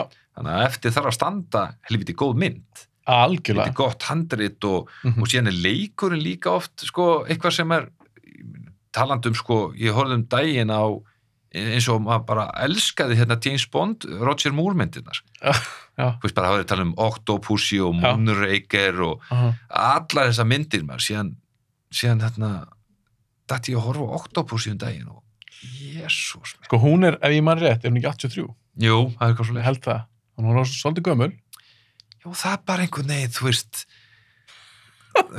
veist, að ég veit það ekki, veist, það var bara allt einhvern veginn. Veist, eins og þetta var frábært í það var svo mikið gerast og hérna, James Bond einhvern veginn eitthvað, en allt Mhm. eitthvað bara hallarislega, stekkur hún einhverju það ekki eitthvað, allt einhvern veginn bara svo of auðvelt einhvern veginn og, og bara alltaf einhverju one-liner og skiptir ekki máli að bara vera að skera þig á háls þá bara eitthvað svona, er þetta örgulega beitt sveði eða eitthvað, það er bara svona einhvern veginn veist, gamaldags gamaldags, einhvern veginn og bara vond Mm. og, eins og, það, og, all, og þetta gamaldags sem var bara í 80s, það var einhver, einhver gæi sem bara eh, bjó til einhver, einhver fimm byssuhljóð Mhm. og þau voru bara hérna takki einn upp í fimm og síðan bara ítur á þegar gæin skýtur úr byssunni Já. bara, og þetta var allt einhvern veginn king, king, king, einhvern veginn svona bara sama hljóðið einhvern veginn. Það skipti engum máli í hverju kúlan var að lenda hvort það var málmur eða malbygg eða veggur eða fólk eða eitthvað og, þó bara einhvern veginn og þetta er allt eitthvað verður bara svo vond svo svo hljóðu gamaldi kápumund já, einhvern veginn verður bara eitthvað svo þú veist. En, en, ég er með kenningu. Af hverju ég held að, nei, 90s myndir séu svona góðar? Því ég vil meina það, á þessu tímabili þá var tæknin orðið þokkalega góð. Mm. upp á svona tæknivinnslu hljóð og svona. Já, en hún var ekki honum það góð að þið þurftu að treysta á hana eins og þessi tölubrendur þannig að þessi þurftu að treysta á var handrit. Skilur við, já, af því ég held að sé ekki ég hef talað um þetta áður, ég er alltaf að tala um þetta fólk er ekki að pyrra á mér. Ég held að sé ekki tilvílun að þegar að mér fyrst bíómyndi fara að dala þá hækka sjónvarp mm í gæðum. Ég er alveg viss um það að margir af þessum handursundum fóru yfir í sjónvarp. Öruglega, öruglega þú veist, það er bara svo vanda sjónvarp í dag. Já, já, og búið að vera síðan 2000 já, já og, og gríðaleg ásókn í sjónvarp. Það er, er bara svo leis og veist, þá er ég að meina, veist, þessa efnisveitur það er bara, þeir hafa ekki undan að framlega sko. Nei. og og þetta byrjar þetta með Sopranos þú mannst vantilega til þeim. Já, já, Já, sástu það á sín tíma? Ekki mikið sko. Nei. Nei, þeir eru svolítið svona glimtir finnst mér í dag að því að fólk er kannski að tala um bara er múið svo Breaking Bad, Mhm. eru geðveikir? Er múið svo Wire, geðveikir? Já, já, þeir eru geggjaðir en Sopranos byrjaði þetta Mhm. Þeir síndu svolítið fram á bara, þú veist, þú getur gert vandastöf í sjónvarpi og í dag þykir engin skömm fyrir leikar að leiki sjónvarpstöfum. að bara alls ekki, Í gamla daga, sérstaklega í 90s, það búið það þótti ekki nei. Er hann orðin já, sjónvarsleikar? það var þetta bara búið sko Já, hann Já, er já. búið að breyta svolítið. já, já, En hvernig finnst þér svo bíamindi bara síðustu 20 árin? Þú veist, ertu sáttur við þetta? já, sko Svona heilt á litið bara sko, gæðin? Já, sko, kem, kemur, kemur aftur þessu, sko, það, er, það sem að er í dag náttúrulega er að það er gríðarlega mikið verið að framlega myndum í dag sem er Mhm. náttúrulega bara rusl, sko, Já. og að, því enn og, aftur er svo auðvelt að, að framlega myndir, þú veist, þannig að það er, eh, það, það er, það er svona, þetta er að verða saman sem er tónlistinni, þú getur bara búið til lag og sungið inn og gefið út á morgun og Mm bara hendi inn á YouTube og Spotify og reynda að gera eitthvað með það sko. svolítið, og það þetta er að vera svolítið mikill frumskóu Náttúrulega, þeir halda ennþá svolítið vel utan með þetta, stúdíóin og Já. svolítið að passa sig þar að, -hmm. að reyna að, að dreifa þessu, þannig að það, það er gallinn á móti, þú getur verið með geðveikt, geðveikt handrið, frábæra mynd en hún kemst aldrei neitt og verður aldrei neitt Mm en, en sko gæðin í því sem er verið að framleiða sko, sko eins og þú saðir er sko 200 miljón krona mynd er bara alls ekkert endilega betri heldur en þessi sem kostaði 15 Nei. Og þar sko ég, ég, ég skil oft ekki alveg pælinguna það sko. Nei. það er svona eins og að liggi, liggi við að það sé sko bara sett á pósterinn þessi mynd kostaði 200 miljón dollara þessna verður að sjá hana. Já, já. hún er bara svo rosalega dýr að hún hlýtur að vera geggjuð. Mm og, og það einhvern veginn svona og það endurspeglast alls ekkit alltaf skilur við og bara, og þessi rosalega mikli munur er eitthvað sem hún bara skilur ekki Nei, mér finnst líka áhugavert sko að því í dag, þetta er búið að breyta svo svakalega mikið upp á markaðana. Kína er nú mjög stór markaður. já, Og Hollywood í gamla dag, þá hugsaðu meira um svona domestic gross, bara hvað, hvað voru að græða í bandaríkjunum. En í dag er þetta orðið svolítið mikið líka bara worldwide, international, markaðin er út stærri. Og það sem translatast best á milli markaða eru sprengingar. Það eru já, já, skilur við og það er sem maður er svolítið að sjá að gerast það er eitthvað svona stórar tæknibröllu myndir. Af því að kallin í Texas mhm, á eftir að elska hana jafn mikið og einhver í, í, í, í Shanghai, mhm. skilur og mér finnst það ekki alltaf vera áherslu á eitthvað gott. Nei, nei. Nei, eins og og, þú segir, nei, og meiri segja eins og þú segir að það, það, maður sér stundum myndir sem eru sennilega búna til með þess að öfugt meira fyrir Asíu heldur en okkur. Eins og, eins og Godzilla og, Já. og svona myndir sem eru svona á því kaliberi. Þú einhvern veginn bara býtu, þetta hefur aldrei verið eitthvað svakalt enda síðan sérðu bara tölurnar að það er bara Kína og bara Asía, bara allt trillt þar og, og, og, og öfugt sko. Mhm. en, en ég er samanlegaður og það hérna sko, mér, finnst hérna mér finnst vanta meira af, af, af bara sko góðum sko myndum. Mm það er rétt að segja góðum myndum ég er að meina taktu burtu sko Marvel skilu, ég elska Marvel myndinu og það frábæra og allt það. Já, ég líka. En, en þú veist, taktu það element í burtu mm og þá eins og segir mér, hvað er veist, hvað er bara ný Gump sem skilur eftir í bíónu og þú bara vá, djöðlega er þetta góð mynd. Og veist, hvað er hérna þú veist, uh, eins og sagður á hann minna Heat sem spennumynd -hmm. veist, hvað er einhver spennumynd sem er öðru í heldur en bara, annarkvært er þetta einhver grín spennumynd eða þú veist, ég meina, það, er eiginlega ástæðan fyrir að, veist, ég ætla eins ég fíla John Wick, sko, ég líka. Veist, og það er alveg svolítið með þetta spennumynd, en samt er þetta bara, veist, þetta er gróft og rosalega mikið ofbeldi fyrir og, fullorna, já, fyrir fullorna einhvern veginn og þetta er bara, þú veist, kosti ekki mikið? Nei, hvort ekki mikið og þetta er bara keirsla í gegn og þú bara einhvern veginn, þú heldur með honum allan daginn, mm -hmm. skiptir engum máli hvað hann gerir og þú bara, þetta er, þú bara, þess, bara gaman. Kaupir þetta bara. Bara kaupir þetta skilur Já. en, en þetta er samt ekki hít skilur og nei, er samt nei, ekki nei, allar þess að gæða nei, spennu nei. myndir sem voru hérna áður Já. þetta er bara svona meira eins og við vorum að tala um að þetta er raunni Marvel í spennumyndatótinu sko, þetta er svona bara kisla skilur En mér finnst það alveg áhverð að ég googlaði daginn, ég ætla að taka veit þátt uh, með félaginum, þar sem okkar taka svona 90s bara hennan áratug mm. og velja eitthvað svona eina mynd fyrir hvert ár og þá fyrir ég svona að googla, upp á jogi, bara hvaða myndir kom út 93, 92, 94.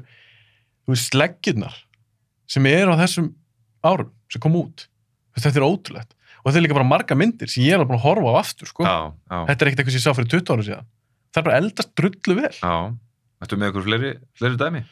Goodfellas, Sinders List. Jurassic Park, mm þú veist, eh, American Beauty, Fight Mm. Club, Sixth Sense, akkurat. Veist, ég, Just Cause, þetta mér alltaf inn hug með Sean Connery, mm bara fín svona einhvern rétt, hann er líka löffræðing, þarf að fara að rannsaka eitthvað á morðu á eitthvað stað.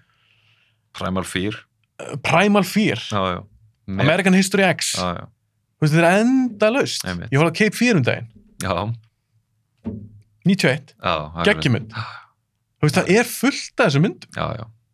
og síðan eins og segir síðan, síðan dettur þetta yfir í eins og þetta ég meina þú ert með, síðan ertu með eh, þessa góðu hvað segja, veist, Top Gun, Conner veist, þessa myndir Mm. sem voru svona þú veist, svolítið svona heilalösar en bara svona keislu myndir eins og Conner til dæmis Já, hún er reyndar, ég horfði hann aftur um daginn. já sko, en á móti En hún var ekki leiðileg. nei, nei, Hún var ekki leiðileg. hún er bara, þú veist, og, og, og einfalt konseptin bara, veist, bara, The Rock til já, já, Mér finnst hún geggju, já, já alveg geggjur, sko 90s mynd. Já. Þannig að, þú veist, það vantar svolítið þetta og það er og ég, menn, menn svona, ég veit ekki hvort það bara, eh, þú veist, þetta er náttúrulega Hard og, þú veist, eitthvað svoleiði, sko. Það, en, en ég skil ekki hvar, hvar eru þessa myndir í dag? Veist, það eru bara búin að breytast yfir í ofurhetjumyndir eða, Sem bannan 12 ára. bara hennar 12 ára eða einhver spennu mynd sem er með grín íva við þannig að hún einhvern veginn er líka bönnur á 12 ára og næri í alla hópa einhvern veginn, sko. Já, eða búið að setja eitthvað svaka twist í myndina. Já, Það þarf ekki alltaf að vera eitthvað twist, nei, nei. skilur Þetta er bara svo Hard. Reynda kemur út 80s. Fyrsta. Já, já, En ég fíla tvö. Hún kemur 90s. Já, já. Þrjú 90s. Mér finnst það báða skemmtilega. já, já. En e- eins og með hana. Það er bara eitthvað gæi, eitthvað blokk. Þetta er geggjumynd. Já, já. Þetta er alveg geggjumynd. Persónsköpun, geggja vondugat, liðið hans er cool. Mm. Og mér finnst hún eldast mjög vel. Hún heldist mjög vel. Þetta er alltaf bara, þetta er alltaf jólamynd nummer eitt. Þetta er geggjumynd. Já, já. Bara, Hvað er Hard í dag?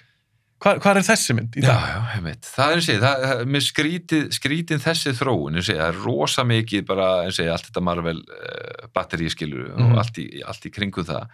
Það er eiginlega sama með, þú veist, ég meina, hvenær kom síðast skókurínmynd, skilur Það er, það er, það kom hann að smá guðs einhvern veginn, þú veist, þó, Ég er reynda að fíla að Mac Gruber, sástu það? nei, hún skemmt, hún er reyndið samt alveg tíu ára Já. að það- hún er ekkert ný. nei, nei Bóra tökja núna bara á morgun, já, ég vona hún verið skemmtileg. já, algjörlega En ég er sammálaður. En þú veist, það kemur einhvern veginn, þú veist, ég meina hvað er bara grín einhvern veginn búið, meina hvað eru Jim Carrey myndirna, skilur Já. Þú veist, hvað er bara, hvað er Ventura Já. þú veist, eru, Lægir Lægir og hvað eru þessir, íkonísku leikarar? mm Eins og eh, Robert De Niro, þegar hann var upp á sitt besta, Pacino, -hmm. Sean Connery, Robert Redford, þú veist, þessi gaurar. Hver er í dag?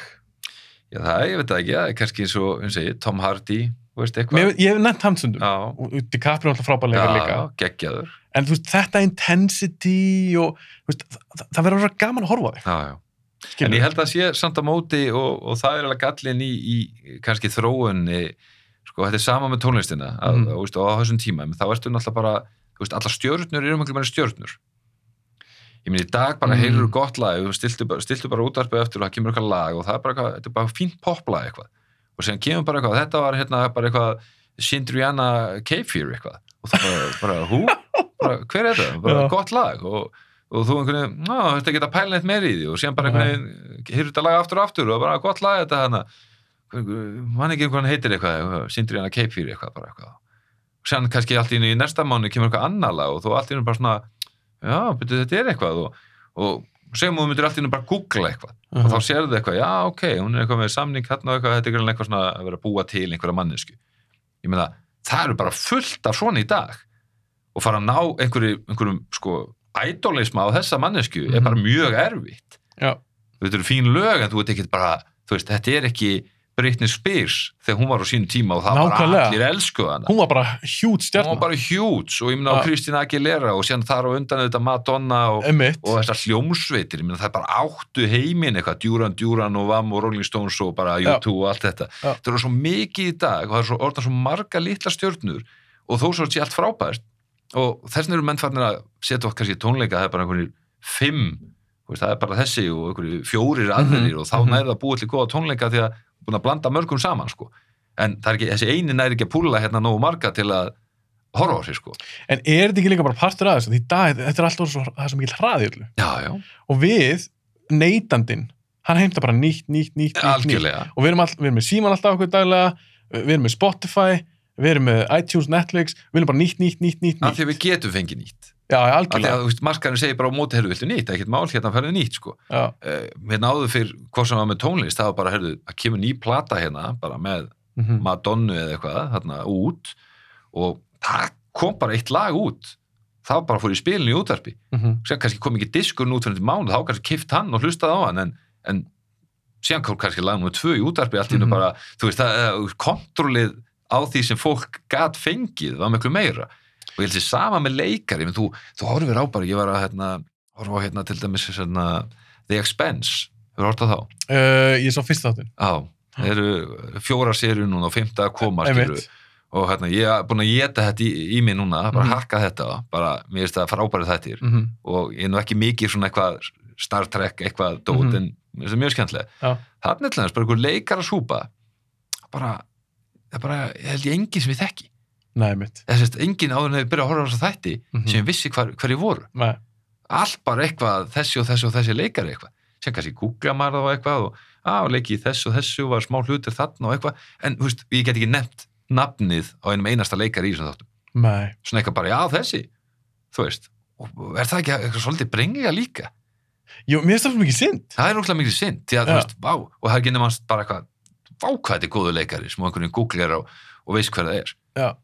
Ég meina, ég er búin að vera að horfa á eins og ég segi hérna bara þessa flash þætti sér ég að hundraði eitthvað skilju og aðaleikari þar sem leikur flash náttúrulega fyrir utan að vera hann hefði alltaf átt að leika flash í bíómyndinu sko, Mhm. alltaf miklu betri fáralegt. bara típa sko Mhm. og ég meina, veist, Grant Gurstin heitir hann Ég meina, Grant Gurstin, Mhm. hver er það? Ég veit bara um hann, þess að ég þekki hann bara út, á, Já, út frá það flass. er bara gæðin sem leikur í flastáttóðum, punktur Mhm. þannig að við aldrei sé flass, veist, ekkert hver þetta er en áður fyrir hérna einmitt Robert De Niro, veist, Al Pacino og þessi gæjar, þeir bara, þeir, þeir voru þeir shit, skilur Já, og það er líka bara, þegar þeir leki mynd, sérstaklega í gamla dag, þeir eru alltaf svolítið gamleir í dag og kannski líka eitthvað svona drasli, en þegar þeir leki mynd, það var bara event. já, Það bara, heyrðu, það er að koma De Niro mynd. einmitt Þetta var ákveðin gæða stimpil já, já, og oftast fekk maður eitthvað góða mynd. Af því að þá í gamla dag, þá þurfti stúdíón svolítið að keira á þessu stjörnupári. Í dag, þá keira það bara á, já, við erum með Marvel, mm. það er nóg. Það skiptir ekkert máli hverju leikur þannig hver. Nei og þá líka sko skipti máli og þetta var ástæðan fyrir þessi leikara fóru að fá þessar ofur upphæðir fyrir að leiki myndum Mm vegna bara, að það skipti bara máli. Þú settir bara þennan leikara í myndina -hmm. og hún, hann eða hún bara fekk bara 10 miljón dólar eða eitthvað fyrir að leiki í myndinni. Mm og það var bara money well spent skilur Já. þú veist, í dag og, og ekki bara í dag bara, veist, svolítið langt aftur í tíman með þess að þá voru menn að setja kannski einhverja stjörnur í myndina, skipti engu máli það bara byrju myndin er ekkit góð bara, hún er full af stjörnum já, veist, og, og hvað, myndin er ekki góð sko. -hmm. þú veist, það bara var þessi breyting líka þess að, já, en bara orðið, orðið svo mikið góðum leikur leikar er orðin svo miklu betri í dag en þeir voru Það er alveg góð punktur. þú horfið bara á þætti í daginn Já, og þá bara, það er engin eitthvað vá hvað hann lék þetta illa, það er sjálfgeft. Sko. mjög sjálfgeft Það er, sjálf, það er góð punktur. en hérna, einmitt þú segir 80s, 90s, meins í bíómyndu bara, veist, bara, vá hvað þetta illa leikið maður Já, Shit, algjörlega. veist, Algjörlega. og veist það bara, í daginn náttúrulega eru bara ógeðslega margir og ég held að sé líka svona þróun sem er að gerast þetta er, uh, ég verður með að ræða þetta við kona mínu bara í fyrirdaginn þess að ég keipti hérna, keipti svona millistykki Mm. sem getur tengt við Vaff og S-tæki og er bara USB hérna minn Áttu var fast ekki? já, ég, ég er safnari Ok. og þegar átt að henda Vaff og S-tækinu ég, ég er búin að líklega elda einhvern bæði kona mína, fjölskyldu, meðlum og annars maður var reynd að farga því nú Ah. á síðustu örgulega 20 árin eða eitthvað Ah. og ég held að bara, nei, þetta flytur með mér ég á líka kassetutæki og DFD spilara og eitthvað svona og, Allar bara, allar að jarða þið með þetta? já, ég, ég bara, veist akkur að hendur svo, nú er ég mitt komin nákvæmlega ástæðan fyrir því kefti þetta plögg, þannig að nú er ég búin að grafa upp gömlu vaff og Ah. Og er og og þannig eru meðal hans upptökur úr gamli sko, myndavölum og eitthvað svona drastljóta úti og bara ógæslega gaman að sjá fullt af þessu gamla stöfi og ég er bara yfirfærið yfir í digital sko. Ertu að tala bara svona enga myndbönd? Já, já. Af þér og fjölskyldu og eitthvað og þú veist, einhverjir þættir jafnvel sem voru einhver tíman ömulegir eða eitthvað sem manni fann svo ömulegt eða fyndið eða eitthvað að maður tók það upp eða eitthvað. En þú ætlar að horfa til þessu hít aftur þú myndir finna hann á FAS, Nei, þú myndir horfa á Nei, hann hún er bara ónýtt, þetta er náttúrulega gæðin sko, ég meina, Vaffa S er sko 480 púntar. Þú veist Það er ekki flott Nei, þetta er bara- nei, hræðilegt að öllu leiti en, en það er svo fyndið að sko ástæðan fyrir að nefna þetta er svo að uh, fundum eitthvað fjölskyldumyndband af, af fjölskyldu konar og þegar hún er lítil og eitthvað og þetta er allt saman, þú veist, þetta er allt eitthvað svona hristist náttúrulega allt og þetta er nákvæmlega eins og í bíómyndu þegar verið að sína eitthvað svona, Já. þú veist, eitthvað Mhm. Mhm. og, veist, og eitthvað svona, kemur einhver hlaupandi frá mynda eitthvað, "Eh", eitthvað svona Mhm. eitthvað og það er eitthvað badnamæli og allt bara einhvern veginn, þú veist, það er bara einhver, einhver gæi með myndaðil sem er að taka upp það sem er í gangi Já. og það er bara einhver fullt af lélugum leikurum af því að veist, fólk bara einhvern veginn er bara eitthvað að gera í dag er allt orðið eitthvað hérna allir með síma og allir að taka upp eitthvað Já. og þú ert að taka selfie og dót og ég, ég sitt hérna hjá þér og ég meðvitar um það að það er myndavel þarna skilur og ég meðvitar um að það er myndavel þarna sko. Mhm. þannig ég passa mig kannski á því að, að, að detti ekki í hvað að vera svona Einmitt. Ef verður að geða mikið á hreyfingu bara þetta hreyfingu og ég er svona, veist, veist, maður verður meðvitar um hlutina Mhm. taktu sama ammali og var hann einhverju geðveiki það myndi aldrei gera svona í dag Þú Nei. veist, bara litli krakkar þeir sjá einhvern með myndavel þeir eru ekkert bara hoppand og gargallar inn á aðtikli myndavelnar þeir eru kannski kom bara fram og bara hæ babi, aaa veist, eitthvað, og eru bara orðin svo vanir þessu Já, við erum orðin vanar þessu. orðin svo vanir, svo aðfinnum Já. vanari þá eru allir orðin miklu betri leikarar Þetta er mjög góð punktur. þú veist, bara Jón Jónsson er orðin bara betri leikari að því að hann er að taka Já, og maður sér þróuna núna eftir, eftir að sko Snapchat byrjaði og Instagram og allt Mhm. þetta dóð Það er þetta stjörnur. Já, og, og, og bara hvað er mikið af fólki sem er bara orðið miklu betra að tala í myndavel heldur en var áður. Já, það er rétt. Það Þetta er mjög góð punktur. Og bara orðið fullt af liði sem er bara orðið vant þessu og kann þetta og einhvern veginn getur borið þetta rétt fram og annað og, ég, ég hef ekki hugsað þetta svona. Nei, þetta er bara, þú veist Þetta er mjög góð punktur. og þess vegna verða allir betri leikarar skilur. þú getur pikkað upp einhverja samfélagsmiðlar stjórn í dag, jafnvel, og hún einhvern veginn geti púlað eitthvað atrið í einhverju bíómyndi eða eitthvað. Sem hefði aldrei verið hérna áður teki bara einhvern hérna, "Heyrðu, ég sá myndaður hérna í fjölskylduvídeónu, þú ert að borða hana köku. Bara, þú eitthvað virkaður eðlur það fóði í vídeo og sem bara, nei, bara kann ekki neitt, hvað, hvernig á ég að haga mér? Og stelpur í dag vita alveg bara þetta ljós þarna, það þarf að vera meira niður og meira í andliti, annars kemur skuggi hérna og þetta og þetta og Já, já, já, já. bara jálaðislega meðvitað um alla þessar hluti sko. Já, við erum, þetta er alveg rétt, já, við erum orðin miklu vanari því að vera fyrir svona myndal ég er persónum svo lítið fyrir það. Já, þó ég sé með myndalir í podcastinu ástæður ég vildi hafa vídeo í podcastinu því ég horfi sjálfur á podcast. Já, akkurat. Mér var skrítið að ég vildi byrja með minni eigin þátt og það er ekki vídeo. Ég er sammálað þannig að mér finnst það skemmtilega en ég er lítið fyrir að taka einhverja selfies og eitthvað. Þannig ég var ekki búin að hugsta svona, þetta er mjög góða punktur. Samt við, þá erum við kannski svolítið ala upp eins og næstu kynsla og svona verða meiri svona náttúrulegi leikarar. Já, já, því við erum alltaf verið frá myndalar já, já.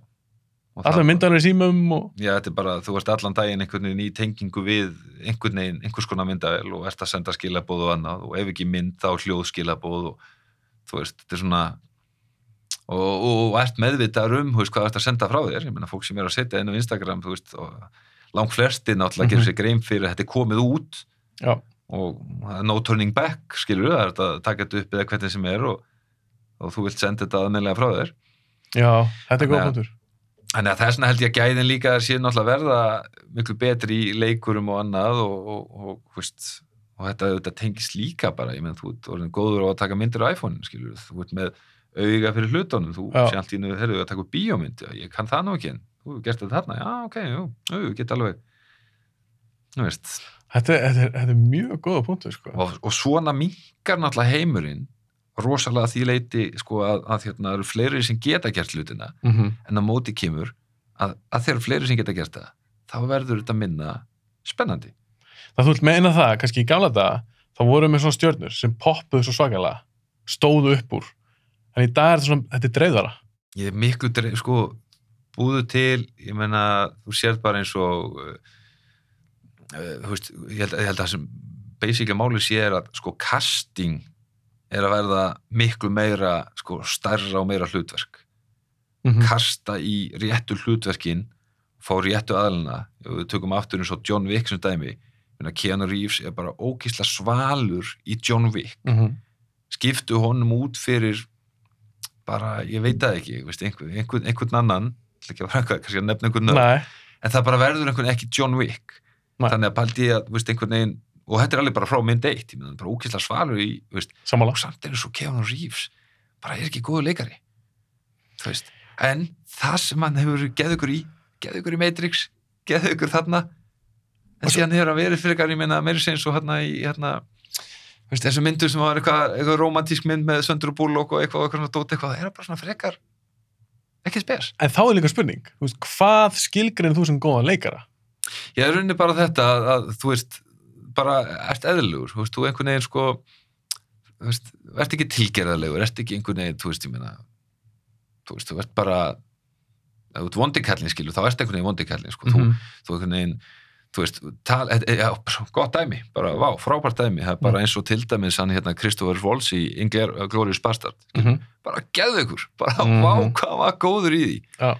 herðu, síðan leikur hann vondakallin í Green Lantern, Nei, betur, hann var, ekki. Nei, hann var ekki Green Lantern. Var Nei, ekki Green það? Hornet. Já, Green Hornet, Green Hornet, Green Hornet. já. vá!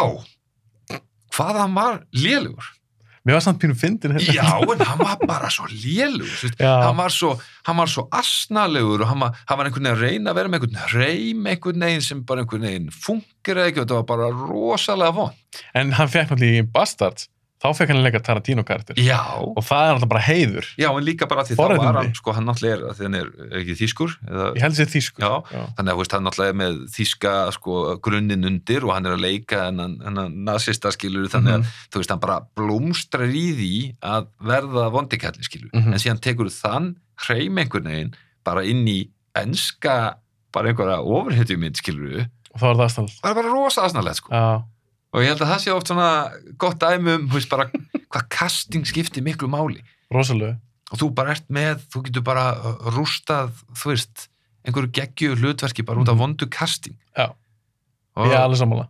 og ég menna, veist og það eru held ég alveg bara endalus dæmir um svona og það er verið að plugga eitthvað, herðu, getur ekki hérna getur þessi ekki fengið hlutverk hérna og leikið þetta eitthvað? Og þú lætur undan einhverju pressu og, veist maður nú bara á sínum tíma var hérna Uh, já, maður það kannski ekki en ég menna Evita til dæmis, ég menna Madonna var búin að reyna fyrir sér sem leikona alveg ógeðslega lengi mm -hmm. og var búin að leika, var mjög léleg leikona, sem einhvern veginn tekur hún sig einhvern veginn rosalega saman í andlitinu og fær að leika í Evitu, Alhuttur ekki aðalhutarkið Mhm. og gera það rosa vel Ég sá hann aldrei á sín tíma. og það einhvern veginn bara svona, vá, bara, hörðu, veist, hún bara, en því hún lagði, geði veika orku og allt, allt saman í það, Já, en var bara mjög léleg og það bara vildi hann enginn. Ég menna, Stallone, ég menna í fyrstu myndunum sem Stallone leikur í, bara lélugu leikari. hann var samt góður Rocky. Já, já, en sko, það var einmitt að því að hann passaði við típuna, skil. Já, já, já, hann skrifa hann að ef hann sjálfur. hefði verið bara, ef, ef hann hefði verið, sko, ef, ef, ef hann, fyrsta dæmið hjá hann hefði verið John Wick, bara, nei, bara einhvern veginn illa talandi gaur einhvern veginn, en, en að því hann kemur frá Philadelphia er einhvern veginn svona underdog eitthvað og, Já, og er einhvern veginn, hann má vera pínu skrítin, það er búið að lemja hann svo mikið, hann er orðin pínu eitthvað tjónaður í hausnum og eitthvað skilur, Mhm. þá funkar það skilur Já, þannig að bara algjörlega. þetta casting til framtíðar held ég að alveg bara sko þeim meira sem ég hugsa út í það sko Ég, ég meni, ég er sammála. Ég hef alltaf hugsað með mér, góðu leikari er einhver sem að ég bara kaupi. Mhm. Og ég kaupi þetta sem manneskja, en ekki leikara leikamannesku. já, Að ég þóla ekki þegar ég horfa á leikara og ég er bara svona, oh my god, þú er svo mikið í svona acting mode núna. Þetta er eitt leikari sem er mjög vinsett. Allir bara elska hann, finnst hann geggjaður. mm. Hann fyrir alltaf í töðunar bring it Hann heitir John Bernthal og hann leik, sástu pönnu sem þetta er nýju. já, Þetta er svona leikar sem sé á miljónstöðum, hann leikir The Accountant með Ben Affleck, leikir Wolf of Wall Street lítið hlutverk. já, já, já, hann, hann varð frægur fyrir Walking Dead. Kannast eitthvað leikara? ekki alveg að ná þessu Ég set mynd á hann hér. já, bara, einmitt En eins og hann, allir bara, hvað þetta er geðugur leikari? Mér finnst hann alltaf vera að leika. já, akkurat Það fess svo í töðunar mér. síðan er annað núna sem er mjög sorglegt á, á sama tíma og, og hérna, ma maður skilur sko, pælingunum bak við það og það er í allir þessari sko, baróttu minnihlutahópa Mm -hmm. hvað sem eru samkynneðir, konur, svartir, asískir, hvernig sem er að þá er uh, sko, sko eins, eins mikið og maður stiðið þetta allt saman Mhm. og bara fleiri konur og fleiri kalla og, nei, fleiri hérna, bara alls konar hópa Algjörlega. bara whatever bara. en þegar verið að tróða þessu inn bara til þess að í rauninni Tróða. tróða og fá, fá PC-liði til þess einhvern veginn, já ok, það er einn asískur hérna og það er einn einhvern veginn og það á ekki við, Mm það bara passar ekki Nei. og það er hérna, og ég vil hans að horfa eitt þáttun daginn sem að hérna þess sem kemur aftur að þessu, að það var hérna var kona sem að hérna var lesbísk -hmm. og hérna og, og hún var með annari konu sem var sínd í þáttunum Mm -hmm. og hún var semst ekki af sama, hún var hvít semst þessi, þessi stelpa og uh, kærastamarinni var svört Mhm. og, og þar var verið að reyna að fylla í það gat að hafa þarna samkynneið fólk og síðan átti uh, til að gera ennþá betur þá að hins við svört skilur á Mhm. móti hinn í hvítu Mhm. en þessar tvær bara pössuð enga veginn saman Er þetta svona leikonnar? Já. það bara, pöss- þú bara horfir á þetta og þú bara svona vá hvað þetta einhvern veginn, ég sæði þetta ekki fyrir mér Bara ekki, ekkert chemistry? Eða... Nei, og bara einhvern veginn, þú veist, þetta er bara einhvern veginn, ég ætla ekki að segja, ég ætla ekki að fara að- láta krossfesta mig fyrir að segja veist, hvernig fólk eigi að vera, skilur við. Þú getur verið með alls konar fólki og bara, veist, það passa bara, basically passa allir saman eða þeir passa saman. Algjörlega. En það er verið að búa til eitthvað, einhverja dýnamík í einhverjum hlutum, þá þurfa að vera trúverðugt, skilur við. Já. Þú veist, það er ekki bara, vá, þessi einhvern veginn, ég er ekki að kaupa þetta.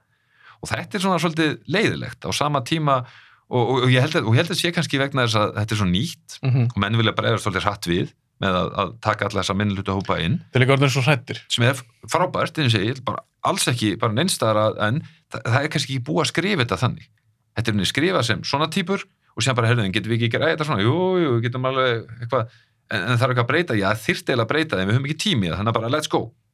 Bara, þannig að ég held að til framtíðar þá það bara að passa betur í skrifum, að þegar verið að skrifa inn einhverjar personur sem eru í minnluta hópum, að það séu gerðar þannig að það verði trúverðugt því það græðir enginn á því einhvern veginn að, að, að, að fá upp uh, þessar personur og varpa meira ljósa á það ef það kemur sér bara astnælega út og fólk er ekki til í að kaupa það því að þetta skiptir, er þetta náttúrulega miklu leiti gert líka til þess að þetta vekja málsta fólks og fá fólk til þess að gútera alla þess að hópa, Já. sem er frábært Ég, er hundar bara sammála því. en, en það er mjög leiðilt að horfir á okkur og þú bara svona á, fúst, einmitt, maður bara er þessi, svarti hérna bara kom hlaupandi inn í hennan tíma bara því hann er svartur eða Þú veist, akkur skrifið ekki bara eitthvað alvöru hlutverk fyrir hann eða gerir eitthvað alvöru, þú veist Já, ég er svo sammálaður af því að þetta- telst viðkomt í dag. já, já, En ég er kannski bara svo gamaldags að ég trúi því að þeir alltaf ráða hæfist um manneskjum starfi.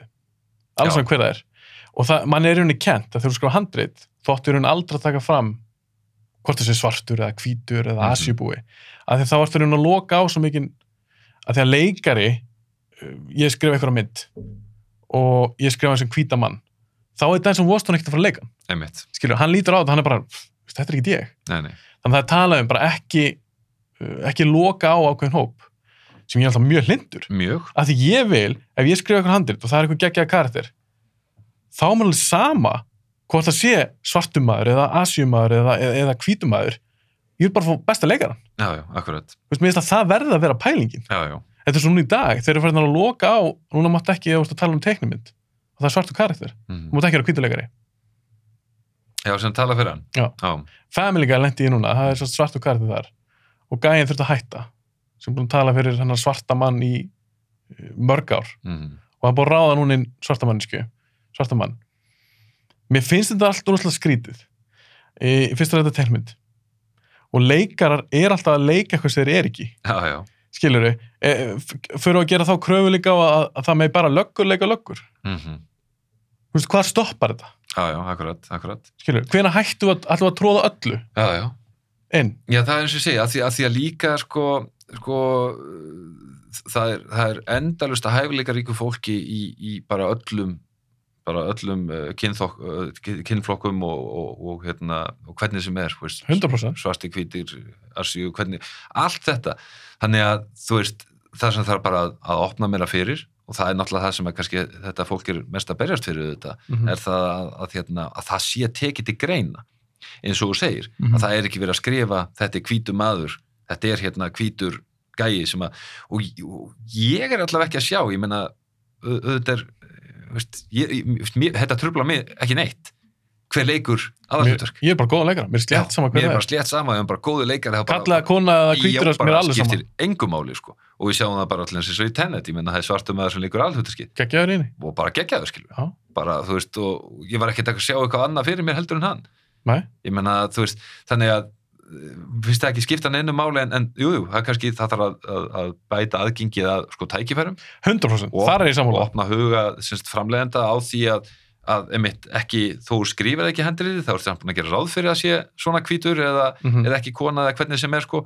En mér finnst samt rosa mikið breyting á þessu, ég menna við sjáum í þáttum til dæmis í dag það er mjög mikið oft verið að skrifa konur inn í, í sko sem að kannski eru, eru vondikallin, Mhm, það eru stjórna fyrirtækinu mhm. og það eru einhverjir, og þá kemur aftur að þessum sko algjörlega öfgum í hináttina kannski myndum margir segja, það komið konu og það eru fimm kallar undir henni, Mhm. skilur við, byrju, það ekki orðið alveg svo mikið og bara, Já, það, það er bara, þetta fyrir stundum auðvitað ykkur svona brenglun. Þú veist, það fer, þú veist, ef það væri hérna eitt, eitt kallmaður, skilur við, hérna, og, og fimm konur undir, þá var það einhvern veginn skrítið, sko, Mhm. en, en, en ég veit það ekki, ég, hérna, en auðvitað vonandi nærið einhverjum ákveðnum ballan, sko. Já, ég hugsa að gera það. Og ég er alveg samanlega, auðvitað eigum við að opna fyrir fleiri tækifæri fyrir þess að minnulutu hópa.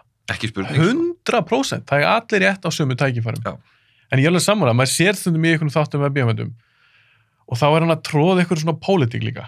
Einmitt, eins og þú segir, svona eitthvað písidót og málega er áhörundin hann fattar þetta alveg, hann sér í gegnum þetta. Mm og oft floppa svona myndir eða svona þættir. Þú veist, og maður er alveg bara þetta er svo Birds of Prey, sástu hana? Já, já, já, já, mér finnst það hræðileg mynd, já, já, bara rúmlega það. ég fór hann í bíó og ég bara, hvaða kjafta er þetta? Mhm. en það er til dæmis, þetta, þetta var svona female empowerment mynd. Mhm. og þar ertu með næstu alla kalla allir menninir í þessar mynd. Ákvæmt heimskýr, svikarar, vondikallar. Tókst þetta í? Já, já, já, já, Þú veist, og maður er bara svona, ha? já, já. skilur þau? En þá kannski getur einhverju feminist að setja móti, já þið eru búin að gera hérna Rambo þar sem hann þarf að bjarga einhverju, einhverju stelpu sem að veit ekki neitt og eitthvað. Mhm. Ég er ekkert að það sé perfekt, heldur. En eins og, við ekki að finna hann, þetta jafnvægi, en það kemur örugla. Já, já. Já, bara eiginlega hlýtur að vera og eins og segir með, með þarna uh, að datta akkurát út hérna, þú veist að tala um Burst of Prey Mm -hmm. með þarna uh, já, það kemur líklega aftur. Og þú verður að munda. Já, þetta er þetta. Var þetta sambandi við eitthvað svona að tróða einhverju PC pólitík, Já, já, það var hérna uh, sástu Ghostbusters til dæmis, já, já, nýju. já, nýju ég held ég hafi sleppt henni. Þess að þá reyður henni bara konur, Já. endingar henni basically fyrstu myndina, mm svona eiginlega. Og riða bara konur. Ég ekkert á móti þessu konur í bíómyndum Nei, ég, þetta var bara ömuleg mynd. Nei, ég, einmitt, ég, er sammála, ég, er sko, ég er svo mikið sammála þessu og, ég held að og þessna, sko, minnluta hópa með ekki miskilja, sko, þetta með eða allavega kannski út frá okkur við kannski bara, getum við ekki tala fyrir hinnar sem eru kannski einmitt á móti einhverju? En ég meina sjáðu bara AIDS-mates til dæmis. Gjöð mynd. geðslega fyndi mynd ég meina bara með konur. Já. og bara hvað uh, ég, ég trúi því ekki að sé einhver kallmann úti sem hugsi bara hvað, býta, akkur eru ekki kallmenn í henni? Eða sérst, ef það er eitthvað sem þannig, svo kynnslóð Já. er að deyja út. já, hún bara verður að deyja út sko. Já, hún mun deyja út. En, en þar til dæmis eða hefur einhvern veginn þú veist, jú, það var auðvitað einhver, einhver kall kærasti eða eitthvað svona skilu, en eða hefur verið að tróða þar inn einhvern veginn viljandi einhverjum kallmanni bara til að breyta eitthvað eða, veist, í hangover fara að setja einhverja konu, þú veist, bara, bara Allt er þessu mynd. allt eru þessi mynd skilu Ég er til dæmis uppbóðs hryllingsmyndi mín bara alla tíma, heitir The Descent ég veit ekki hvort þú sást hana, breskmynd. Já, það er bara konur. Já, já. Og ég hugsaði aldrei horfa á þessu mynd. Æ, okkur ekki eitthvað kallað nei, nei, nei, nei. þetta bara passaði, þetta voru flotti karakterar uh, flóknir karakterar. Það var bara góð persónsköp þá er mér slétt sama hvort þessu konur, kallar, bara skiptir ekki máli. Það skiptir mér bara engum máli. Nei, nei. en svo er stundum, ef maður er að tala um eitthvað svona nú erum við hvítir kallmenn, já, já, miðaldra hvítir kallmenn já, já, það er líka eins og við, við bara séum ekki með atkvæðisrétt í dag. Nei, nei. Það er svolítið þannig. Þetta, þetta, er orðið svolítið brengla. Já, já, já, já, þetta er það og eins og ég, ætla ekki, ég menna eins og ég, get ekki sett mig auðvitað í spór sem sagt, litasmann til, litasmanns til dæmis. Og, og sérstaklega ekki kannski sem hefur uh, þurft að þóla einhverja fordóma og annað skilur þannig að það er auðvitað, getur maður ekki skilur sett sig í þessi spór en þú veist, maður myndi sjálfur ef maður getur lagt allt sitt á voðaskálunar að þú veist, opna fyrir jöfnum tækifærum fyrir alla. Já. bara allan daginn. Það er draumurinn. Bara hafa draumurinn. Já. en, en ég vil ekki sjá að það bitni á því að, að semst, eitthvað verði verra að því það er bara verið að ráða til þess að fylla í einhver bóks það, er, það, það bitnar á gæðum. Bitnar á geðum og, hérna, það bara hlýtur að og, vera. Og, það, og það getur alveg verið með hinn áttilina líka skilur eins og vorum að tala um á einhver konumynd eða, eða, eða mynd bara með svörstu fólki eða hvernig sem er skilur þú veist, ekki verið að tróða það inn einhverjum hvítum bara til að hafa á með eða, eða eitthvað sko en, en þú veist. Ég, ég held þetta eftir að þetta hlýtur að jafnast.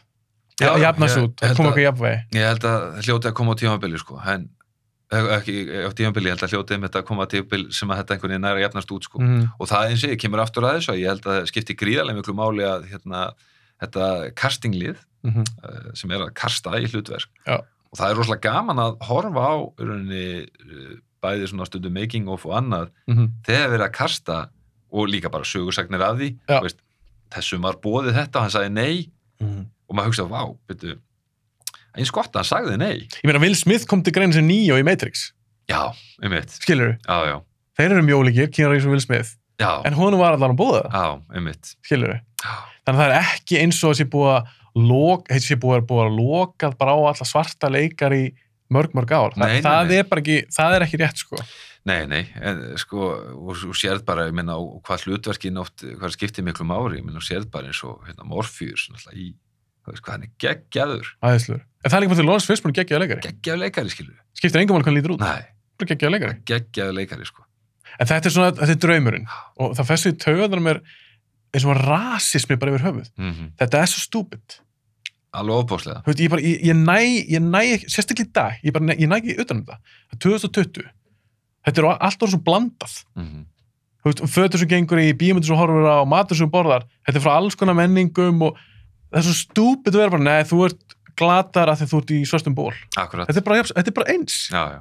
Þetta er jafn heimskulegt. Já, já, þetta er bara, þetta er mjög heimskulegt, en því miður er, er, er þetta allir staðar og, og hérna, í öllum samfélögum og, og meiri segja hérna og eins og, það er náttúrulega það sem að þarf að uppræta, en það þarf að uppræta á, á, á rétta mátar, sko. Já. Og, og, ég er alltaf ekki að koma með einhverja töfrulega sníði, skilur, en, en Þetta er flókið. þetta er auðvitað mjög flókið, en hérna, en auðvitað á að uppræta allan svona viðbjóð, sko. Já. Ég ætla að spyrja, við erum búin að vera, þetta er búin mjög skemmtilegt spjall. Já, tekundu það. En Ég ætla að spyrja það svona í lokin.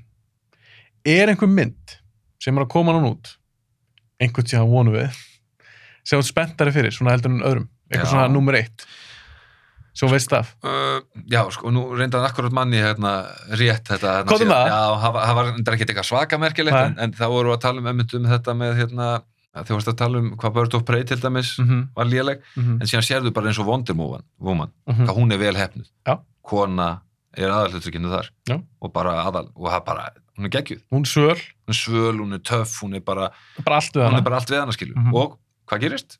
að því að fungerar, slæða ekki vinsel.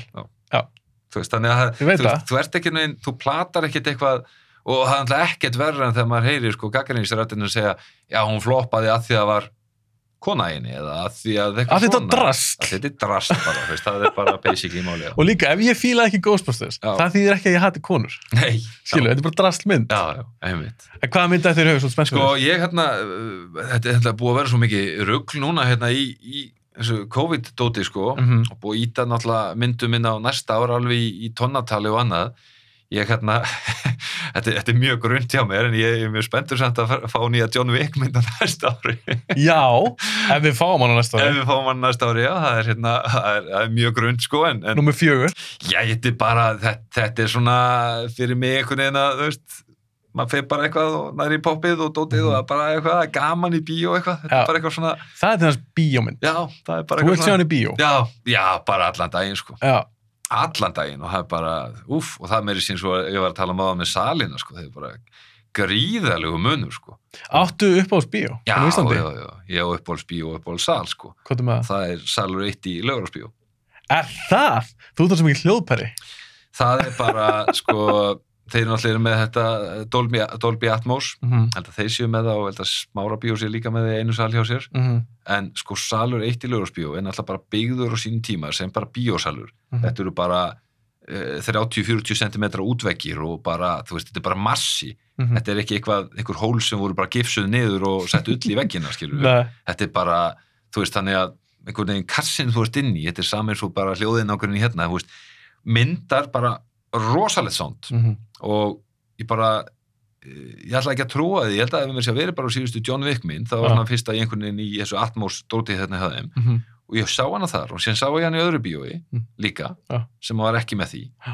það var bara heiminn og haf það var bara, og, það, og, það, og það eiginlega gerði svona útslægi sem bara, hefði, ok, nú bara ég hef alltaf haft þetta sem uppáhaldsbíó nú er það bara orðið bara uppáhaldsbíó, alveg En þú manstu hvernig lögurspíósalurinn var fyrst? já, já, já, Í. Ég saknaði spínu. það var svolítið sammálaði, maður reyndi alltaf að sitja hérna Já, þá kannski sett fætnar upp á. Já, sett fætna og það var líka bara þegar það var yngi fyrir framæðin þar, en samt varstu svo sirka fyrir miðju. Já, Að þetta er næst. bestu sætin maður. En það er bara ég alveg, veist, Það er lögurspíó, sannlega reitt. já, bara, veist, alltaf. Mér, alltaf. mér finnst það að keppa við Eisöld, sko. Já, sko, Salur eitt í Eilsvöld, náttúrulega, Hann er rosalegur. rosalegur, þú veist, og bara, en, þú veist, hann nær þessu ekki, alltaf fyrst að leiki komið með atmósi, menn að svo sem þegar það kemur, þá, Nei, ég, ég er ekki eins mikið hljóðpæri eins og þú. nei, Þannig ég er ekki hissa. Ég hefði örgulega giska á af því að þú múið tala svo mikið um hljóð. En það er bara sumt í Eisöld, sæleitt, sem mér finnst bara svo geggjað, Mhm. sem kannski margir pæli ekki í. Til dæmis, þar, þá ertu með sérstól. já, já, Ég er með tvo armpúa. Ég þarf ekki að deila honum öðrum. mm Og ég get setið í sætinu mínu og fólk lappa. ég er sammála, sammála, Það eru ekki margir salur í Ísland sem það. nei, nei, Ég þarf ekki að færa mig. Nei. Ég þarf ekki að fara standa upp eða ekkert svona vesen. nei, nei. Mér finnst tjaldi geggjað. Og mér finnst salurinn sjálf, mér finnst það bara rosalega fallegu salur. Þetta, þetta er geggjaðar Salur, og eins og ég segi, ef að þetta, En hann er sætið. Hversu, já, já, já, algjörlega sko. já, flott. og bara, já, já, og eins og ég, þetta tjald sko, þegar maður kom fyrst inn í hann sal þetta er, er ekkit eðlilega stórt Já. og það bara það, ekkit eðlilega stórt að maður bara verður að sjá myndir þegar það koma sérst, í sal eitt þar uppfrá sko. Og líka bara hallin er svo Æðislegt. góður ég, þú veist, bara, don't get me wrong sko, við erum ekki að tala um sko eitthvað bara tíu í einhvern í sal eitt ljóðarspíu og síðan bara eitthvað fimm þarna sko. Myndir þú segja þetta nált? þetta, snýst eiginlega bara um hljóði sko. Þú veist, ef þetta væri bara einhvern, einhvern venjuleg minnskiluru þá bara Já, þá bara færi, færi skilu en ef, ef, ég- ef þetta er eitthvað sem er sound og drasl og dót og eitthvað þá er það bara hérna niður til Ég verð ekki miskjað með, þetta er alveg góður salur. Og ég, hei, ég heyri mun mm. í sal 1 í og, og lögurspíó. pyrra mig líka og það er kannski bara ég en veist, maður stundum er á mynd og það, hún dettur niður og þá heyrur hún á gegnum veggin og þá er bara spennum við- í gangi hliðin á skilju Eða einhverju keilu eða eitthvað. já, ég, jafnvel, ég veit ekki. Nei, það er bara, veist, þetta er á við um öll þessi bíur sem eru náttúrulega með sal hliðin Algjörlega, skilju algjörlega. veist, ég ætla ekki að preysa meira þetta saman með þess að tvo sali í Ljórarsbíu og veist, það heyrist á milli þeirra. Þannig að veist, það er ekki spurning en þannig ertu bara með eitt sal. Salurinn uppi, salur eitt. Það er engin salur liðin á, þannig að það er aldrei þú ert aldrei með þessa hljóðmengun, en þú ert er aldrei með þannig í hinnu sko, Þau eru dröllu góð, æðisleg og bara, ég maður- ég farið í bíó erlendir sem maður stundur bara ert að grína, sko Ég líka. bara komin, bandaríkanum, Breitlandi, svo bara eftir að djók. já, bara komin aftur, aftur til fórstíðar, sko Ég man ég fór einu svona á uh, Fast and Furious 6 út í London, frumsynga helgi. mm. Fyrst alveg miðin fokkdýr, dýran hérna heima og ég var bara í einhverjum, þetta var svona svo salur bjöða tjóðhörna niður í Álabakk já, já, og ég bara, er það grínast? Er þessi mynd frumsynninga helgi, síndi þessum drastsal? já, já Ég var bara perraður. Já, ég, ég, ég farið sko, ég farið á svona uh, forsýningar erlendis, Mm -hmm. svo það sem að leikarinn kemur sjálfur og eitthvað svoleið sko. Uh, það er held ég tvisvar eða þrísvar á svoleiðismynd, fór á Tom Cruise hérna, hvað var það, gemur heimsenda myndina. Edge of Tomorrow. Já, Mm. og hana og hérna Christmas myndina með Jim Carrey og eitthvað og þetta er þá að þetta er svona við þarna síning Mm -hmm. Þá er þetta basically verið að sína þetta í þjóðleikúsinu eða skilur eða eitthvað, Mhm, mhm. en það var bara, ég man að það var, það var bara engin halli og sætin einmitt bara svona þessi gömlu bara og maður bara býtu, þetta er bara einhverna viðhafna síning og það er verið að sína þetta bara einhverju krappi bíói, Það er umulegt. ömulegt sko Algjörlega. þannig að hérna en að þú vart að spyrja með hérna hvað er framundar sko, Mm. ég bara sko, refresh my memory eins, bara hvað er að koma Sko, ég ég verða við ekki það. Ég er spenntur um Matrix 4. já, herðu, þarna kostum með það já, veist, Ég er alveg til í það. já, Þó að 2 og 3 var ekki verið eins góðar fyrsta. nei, alls ekki og sérstaklega ekki þrjú, Mér fannst 3 skánið 2. hvað varst þið það? Já. Já, Sem heldar mynd, sko. Uh, ekki góðar. En það er eitthvað við það að fá nýja Matrix mynd. Að því mér finnst þessi heimur svo áhugaverður. Mér finnst Já. skrítið að það hef ekki gert neitt meira. Ekkert endilega aðra Matrix mynd. Eitthvað þætti eða fleiri töluleiki eða eitthvað bækur eða eitthvað. Þetta er, nefnilega- þetta er töff heimur. í bara alveg geggjaður og eins og ég hef svona ég, veist, ég, það er allt í mér sem segir að hún hljóta að vera frábæri sem mynd Mm -hmm. að því að þú veist, þetta er það- þannig að við segjum, þú gerir eitt síðan einhvern veginn, veist, koma tvö og þrjú sem einhvern veginn búið að þinna þetta einhvern veginn út og Það sem enginn segir nei við þið. nei, ekki segja nei og, og líka bara það er svo miklu meira dark, það er svo miklu meira í mannheimunum sko, Mm -hmm. og mannheimurinn í Matrix er ekki skemmtilegur, Nei, í sammálar, með svona bara hundleður. Það sæja hún kæfta já, og þeir langar alltaf bara einhvern veginn að hitt, hitt gerist sko Já. þannig að hérna reynda að tala um Sion þá er einmitt talað að annum hljóðatrið geðveikt soundatrið þegar partíið, eh, End of the World partíið í Sion Það er svona svo leðilegt. ég veit að að geðveikt Já, bara hljóðu. nei sko ekki, já sko, sko horfðu á þetta atrið aftur og helst í hljóði Mér finnst það svo leðilegt. já en vegna þess að þú sérð ef, þú sko ferð í þann feeling Já. að sko þetta er fucking End of the World party og það, ha, það er, þú, og þú sérð það á fólki að það er að djamma eins og að sé engin málgræður Ég hata þetta. Já, þú bara, þú bara, þú, sko, þú hlýtur á að bara ekki sé það réttum augum. Eitthvað korters langt reyfadrið. Já, en sko, það er aftur þetta, ef þú, ef þú horfir á hvernig það er gert. Já, já. Þú veist, það er ekkit eitthvað, það er enginn að stoppa eitthvað á milli, bara, ei, ei, hóku drikk á barnum, já, og sér aftur eitthvað á dansko, þetta er bara eitthvað neginn, þú bara, þú veist, það er, það er bara allir einhvern veginn í einhverju móki. Já, já, ég, svo sem, ég, ég skildi pælinguna. Já, Svona svona præmal, uh, dýrslegt, já, einhvern bara veginn. eitthvað, þú veist. Allir einhverju tættu drasli.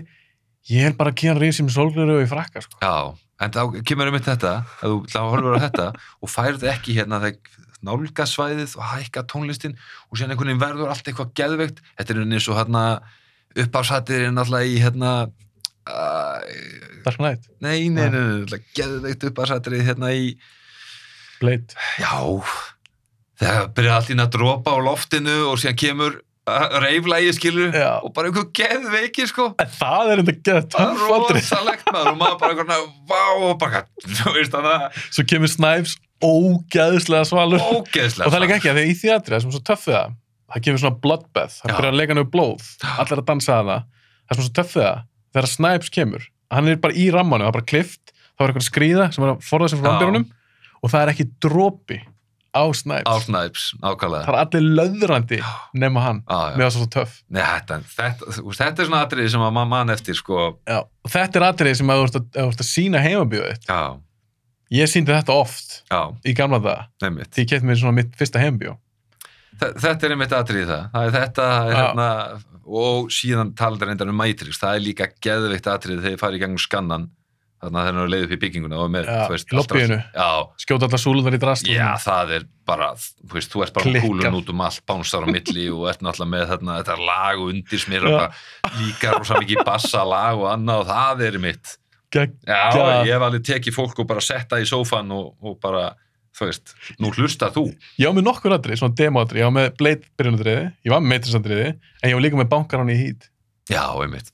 það sem meira svona natural kannski hljóð mér finnst það ógæðslega töf Nei, það er ógeðslega töff. Og það, ég man einmitt á sínum tíma, það kom, þú veist, það var sérstaklega talað um það atrið, hvað það var, það var bara framústefnilegt fyrir bíum, Al, bara 100% bara svakalegt atrið, sko. Já, það var bara svo römmulegt, Já. þér fannst bara svo væri gæjar í skotbarta í LA Já, en svo alltaf gerðist þetta í alvörinni það ge- þess Nú, að var það? svipað, mannst ekki eftir það var gæjar, voru bara í, í, í armor með AK og voru að skjóta bara já, lögum það var svo leiðis, jú, með Róman og hvað og mig minnir að þeir hafa verið undir áhrifum frá hít bara einhverju sækóar, Já, pældu því. Já, já. Herðu, við getum talað endalust Já, og, og það var bara gaman kannski að fá eitthvað aftur setna þetta var mjög já, skemmtilegt það var mjög gaman, sko. Ég hérna, en Matrix á næsta ári. Uh, Matrix, Já, Dune, hún er að koma líka. Ég, Já. ég er spenntur henni, já, en það er nokkar myndir að koma. Það er nokkra myndir að koma. Það og síðan bara vonandi að menn hafi leigið eluldi feldi núna í, Hollywood og annar staðar. erum að skrifa, Já, endurskrifa endurskrifa og skrifa. Já. Það er líka svona, veist, kannski sem ég finnst pínulegilegt núna, að það er einhvern veginn, það búið að vera rosalega mikið bara annarkost based on true story mm eða endurgerð. Já. Það vantar uh, bara eins og við vorum að tala um á er og er vantar bara orginal, hvað er, veist, eru allar þessar myndir veist, og ekki vera að endurgera, nei, gerðu nýtt þetta er búið, já, skilur þú já, sko, þú endurger, veist, ég meina, það, það er fyrsta touchið, ég meina, sko eins og varst bara einfalt dæmi eins og Mhm. Ghostbusters skilur Já. ég meina Ghostbusters bara, þetta er frábært í minningunni en að Ghostbusters 1 Mhm. og 2 eða eitthvað skilur og líka bara leikararnir á þenn tíma, Mhm. það bara klikkar slag, skemmtilegt kemistri og millir og allt Mhm. þetta, ógíslega illa gerst og draugarnir eitthvað glataður og leysirinn eitthvað ömulugur og Eitthvað. en bara virkilega skemmtileg. Að fara einhvern veginn að reyna að taka þetta. Að taka svoleiðismynd og, og gera aftur í dag er svona svolítið eins og myndi taka Minecraft og ekki hafa lengur kubbót. Já, hafið ekki, grafíkinni er öll kubbót og, og glötuð. Allt í nefnum bara strömmilegu og, og bara Pixar skilur það er ekki það sama bara byttu, já en það, þetta, er, þetta er nýtt svona, bara, nei, nei, nei, Já. nei, nei. en það, við vitum svolítið okkur að gera þetta. Þetta er bara, það er betra að gera endurgera af Robocop eða Ghostbusters að því að fólk þekkir þetta brand. Já, já, en þetta er svo, ekki vera svona latur. Nei. Skilur, þetta er bara lazy. Þetta er bara leysi, þú getur gert þetta miklu betur, þetta er svo, þetta er svo mikið einmitt þarna, þarna er bara einhvern veginn gerum þetta og hvaða handrit og það er bara að fara hún í skúfu einhvern veginn, hvernig er þetta? já, Má sjá, já, þetta með eitthvað meira, já þetta og fáum hérna þennan alltaf tvíkað til Mhm. og bara einhvern veginn sem bara let's go veist, skiptir ekki máli, þetta mun alltaf einhvern veginn virka Mhm. og það er ógeðsla og það bara kemur aftur að þessu erum að tala um áðan Já. þetta á bara að vera bannað Já. bara áhugin sé ekki meiri og það sé ekki meira þú veist, Me, hver er metnaður? er bara meiri metnaður Já. Ná, viltu vera gæinn bara einhvern veginn já, hvað er þú búið til? Ég bjóð hann alltaf endur gerðan Ghostbusters já, ok, gott hjá þér og hvað er það að gera í dag? Já, nú ekki mikið, nei, skrítið og, og svo líka, þetta snertir það sem við vorum að tala um áðan eins og ef að, að markmiðið þitt er bara að græða pening, mm endur ekki vel. Nei, það er er ekki skemmtilega að geta verið eitthvað svona stúdíoboss og geta sagt bara, herðu, undir mér þá gerði ég Braveheart, ég gerði Forrest Gump. Ég er að tala um eitthvað frábæra myndir. Já, já, fyrir ekki að segja, já, ég grætti hana auka 2 miljonir, það er ekkert merkilegt. Nei, nei. hitt er merkilegt. Hitt er mjög merkilegt. Og þess vegna kannski og mjög gaman hérna Jóhannes Hauku var hjá mér í viðtali hérna í, í sjáðu já, ég var til að hitta hana mitt. Og já, mjög skemmtilegur og skemmtilega sögu frá honum og bara frábær persóna. Mm -hmm. og hérna, og hann var mitt að tala um heldur svo mikið upp á Mel Gibson. Já, og, þú veist það þykir ekki cool í dag. Nei, og maður einhvern veginn svona, þú veist, og ég mitt þetta svona, já, Mel Gibson, já, og síðan alltaf bara byrja hann. Telja upp, veist, Mel Gibson feril, skilur við, svakalur, og hvað Mel Gibson hefur gert. Afrekað. Bara afreka Mhm. og bara ert að grínast. Já. Þú veist, þetta er ekkit eðlilega mikið sem er eftir hennar mann Nei. en þú veist, eina einhvern veginn sem menn bara Mel Gibson, ekki breyfart bara, nei, það er ekki bara, veist, bara já, og bara, þú veist, allar þessar myndi, þú veist, Passion of Christ og hérna uh, Apocalypto, hún er já, frábær. Apocalypto og bara, ég veist, you name it þetta er bara, þú veist, en, þú veist, þar ertu bara með þeim eitt mann Mhm. sem einhvern veginn setti þetta dæmi í gang bara því hann vildi gera það það bara slæri í gegn Já, algjörlega. ég meina, þú veist, það er ekki, ég meina, við mann bara Passion of Christ til dæmi, sko þú veist, hver, hversu góð eða slæm sem mönnum finnst um það, þú veist, þá bara, heyrðu, ég ætla að hafa hana svona, sko Það var hans sín. já, þetta er bara, svona er hún Já. og að, þetta er svo mikið ofbeldi og drasl já, betur, hvað, það var verið að berja hann í, í drasl, skilur Þetta var fyrir Gibson. það Hann, hann, hann þurfti að fjármagna mestu þetta Já, sjálfur. einmitt, það bara vildi enginn, hafði bara einhvern veginn, "Ja, þetta verður vesinn eitthvað, allir, allir bara á kirkjan og allir fara á móti er eitthvað, bara, heyrðu, ég bara, En svo fekk það líka, hann setti sín peningi í þetta. Hann fekk það líka bara hundra já, tilbaka. bara ekkit eðlilega mikið, sko, Nei. ég man ekki hvað hún tók inn, hún þetta var eitthvað alveg bara Og þvílík hún, hún fór upp í 700-800 miljonir Já, það var dollara worldwide. Já, já, og kostaði eitthvað 20-30 Já. eitthvað, þetta var, og það er svo gaman að svona, svo gaman þegar menn fara einhvern veginn alveg bara, herðu, þetta er visjónið, ég ætla að fara þessa leið, Já. þú veist, og, veist, og það verður að hefnast. Og, og ég held að sé oft kannski með líka, uh, sko, að því að síðan hugsa maður, já, hvað með alla hina, að vera búa til nýja mynd á hverjum degi? Og mér finnst ótrúlega gaman oft að fara inn á Apple trailers, Mhm. bara í Apple TV-inu, en þess að það eru trailerar af öllum anskotanum sem er að koma út. Mhm. og, og sérstaklega núna í COVID er bara einhvern veginn ef það kemur eitthvað nýtt hann inn þá er það bara eitthvað, þú veist ekkert hvað er. Nei. og þetta er bara meir og minna drasl. Og þú sér það bara, er treylileg drasl. Ég veist, en þá kemur einmitt aftur að þessu að, að sko, og þú hugsaði, já, hann hefur kannski liðið sett allan sinn, allt sitt í þetta Mhm.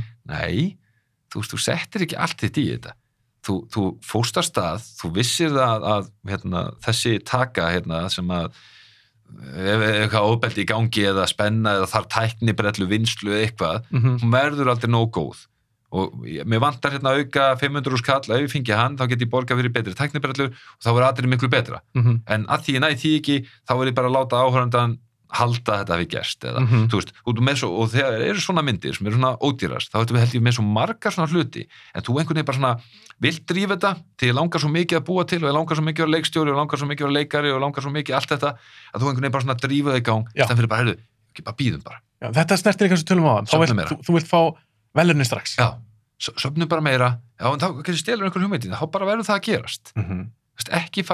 Einhvern einhvern það er einhvern veginn allt í drasli og ég held að sé rosalega oft hérna, með hérna, myndir, það lenda rosalega oft í þessu vesenni Mhm. þú veist, rosalega tight budget þú ert bara með þennan pening og það má ekki fara yfir þetta. Og það er bara ekkert í bóði, ég minna út í Hollywood þá bara eitt fundur hérna, það vantar 20 miljón dólar viðbóði, það er bara, let's do it. Mhm. eitthvað, Eh, þó að sé þetta allt á budgetin, ég er bara að segja aðgengi af peningum, hérna kannski á Íslandi eða annars það er að vera að búa til myndir og það er bara, við erum bara að sapna 20 miljónum og það bara Siggi frændi er ekki að fara að koma meira inn í þetta verkefni, sko. Nei, það er bara þetta. er bara þetta og síðan byrjar að taka og þú ætlar að taka þetta í 20 daga og allt inn eftir 15 eru bara 15 dagar eftir Mhm. og þú bara hvað, sé hvað get ég gert skilur og þú fer einhvern veginn að trimma niður nær aðeins frá sigga frænda en þetta endar sem bara katastrófa Já, mér finnst það sem mest áhört líka er sástu Clerks á sín tíma. Uh, sem Kevin Smith geri já, svartkvita, grimmynd.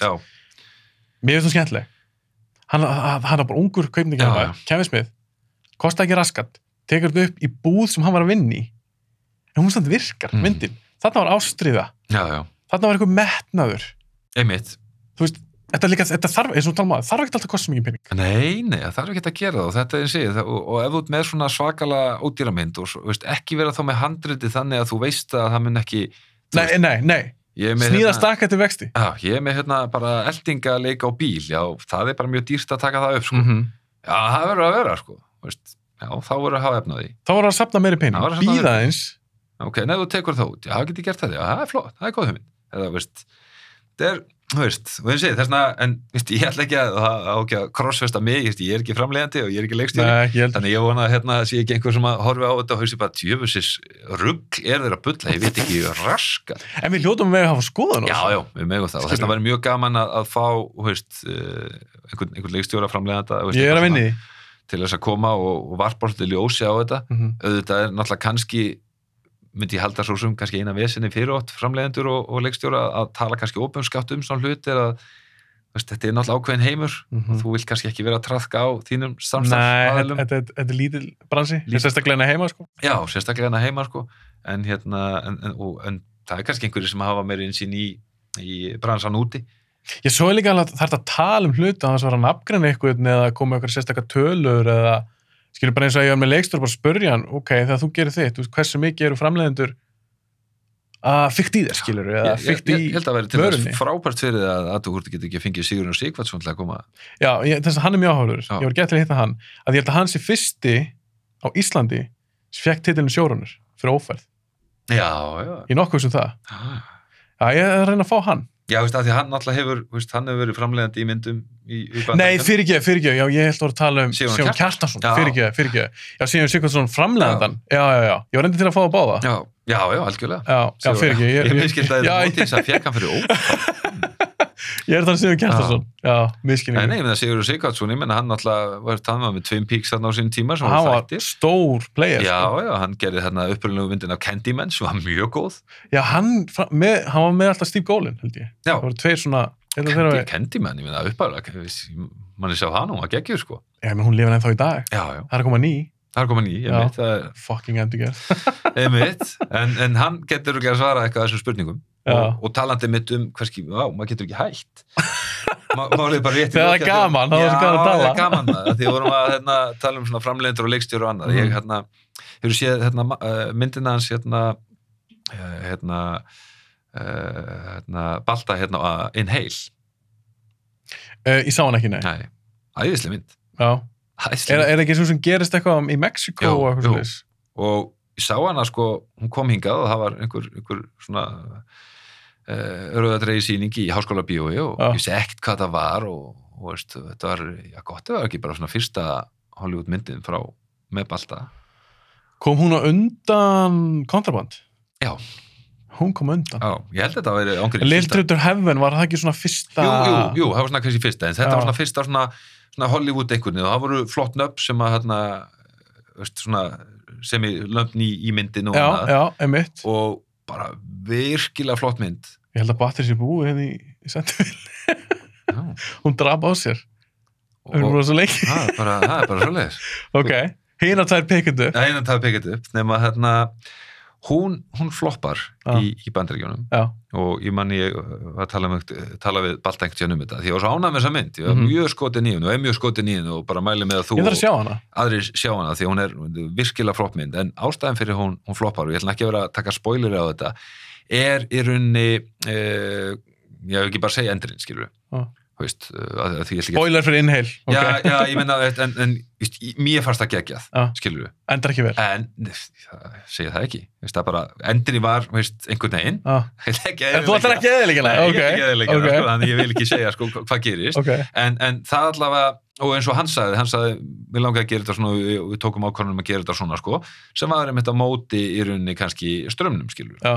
og, þú veist, og þess vegna finnst mér, veist, mér finnst hún geggjur svo ég veist, Mhm. æðislega mynd og hún er, hún er, hún er spennandi hún er spennandi og hún er, hún er bara, hún er vel gerð og þetta er bara, þetta er svona veist, ég veit ekki hvort að Baldur sé sammála mér í dag en mér finnst þetta bara að það er sko frábært og geggjað hjá honum sko, Mhm. veist, mér finnst- þetta bara svo hún var, hún var bara svo góð Hann er bara- flott mynd, góð, æðisleg Hann er bara flottu kall. já, bara æðislegur er æðislegur og ég menna og ég, mér finnst bara þú veist, og þetta er bara alveg sjáta á þessa mynd, þú veist, sem fekk bara alls ekki nóg mikla aðtegli Mhm. og, og alls ekki einhvern veginn hérna, samt held ég hún alveg með hérna, fína dóma, sko Þeir Já, ég að- held hann að fengið þokkala dóma sín Já, tíma. þessi met, sko, kun- kunna meta, meta þetta og Mhm. þetta er alls ekki eins og ég, veist, þetta er bara, þetta er frekar létt mynd þá er ég meina, þú veist, þannig að ekki ekki horfa á hana vegna svona, æ, hann er að tala um einhverja erfiða mynd, þetta er bara þetta er bara, persónusköpun í þessu Mhm. er, er mjög góð og það er mjög sterkar persónur og þú nær að tengja þig vel við einmitt bara svona vákvað ég myndi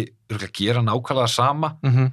þú veist og, og, og þú einhvern veginn skilur aðstæðunar, hún er, hún er spennand hún er flott, hún er samt bara svona þú veist, en, og, og, ég held þessi bara svona einn og hálfu tími skilur, sem bara svona eitthvað, Ég er bara spenntur. já, ég, ég er að mæli með þig og bara þetta sé fyrst á tasklistaðan núna Já, Ég skal horfa á hann um helgina.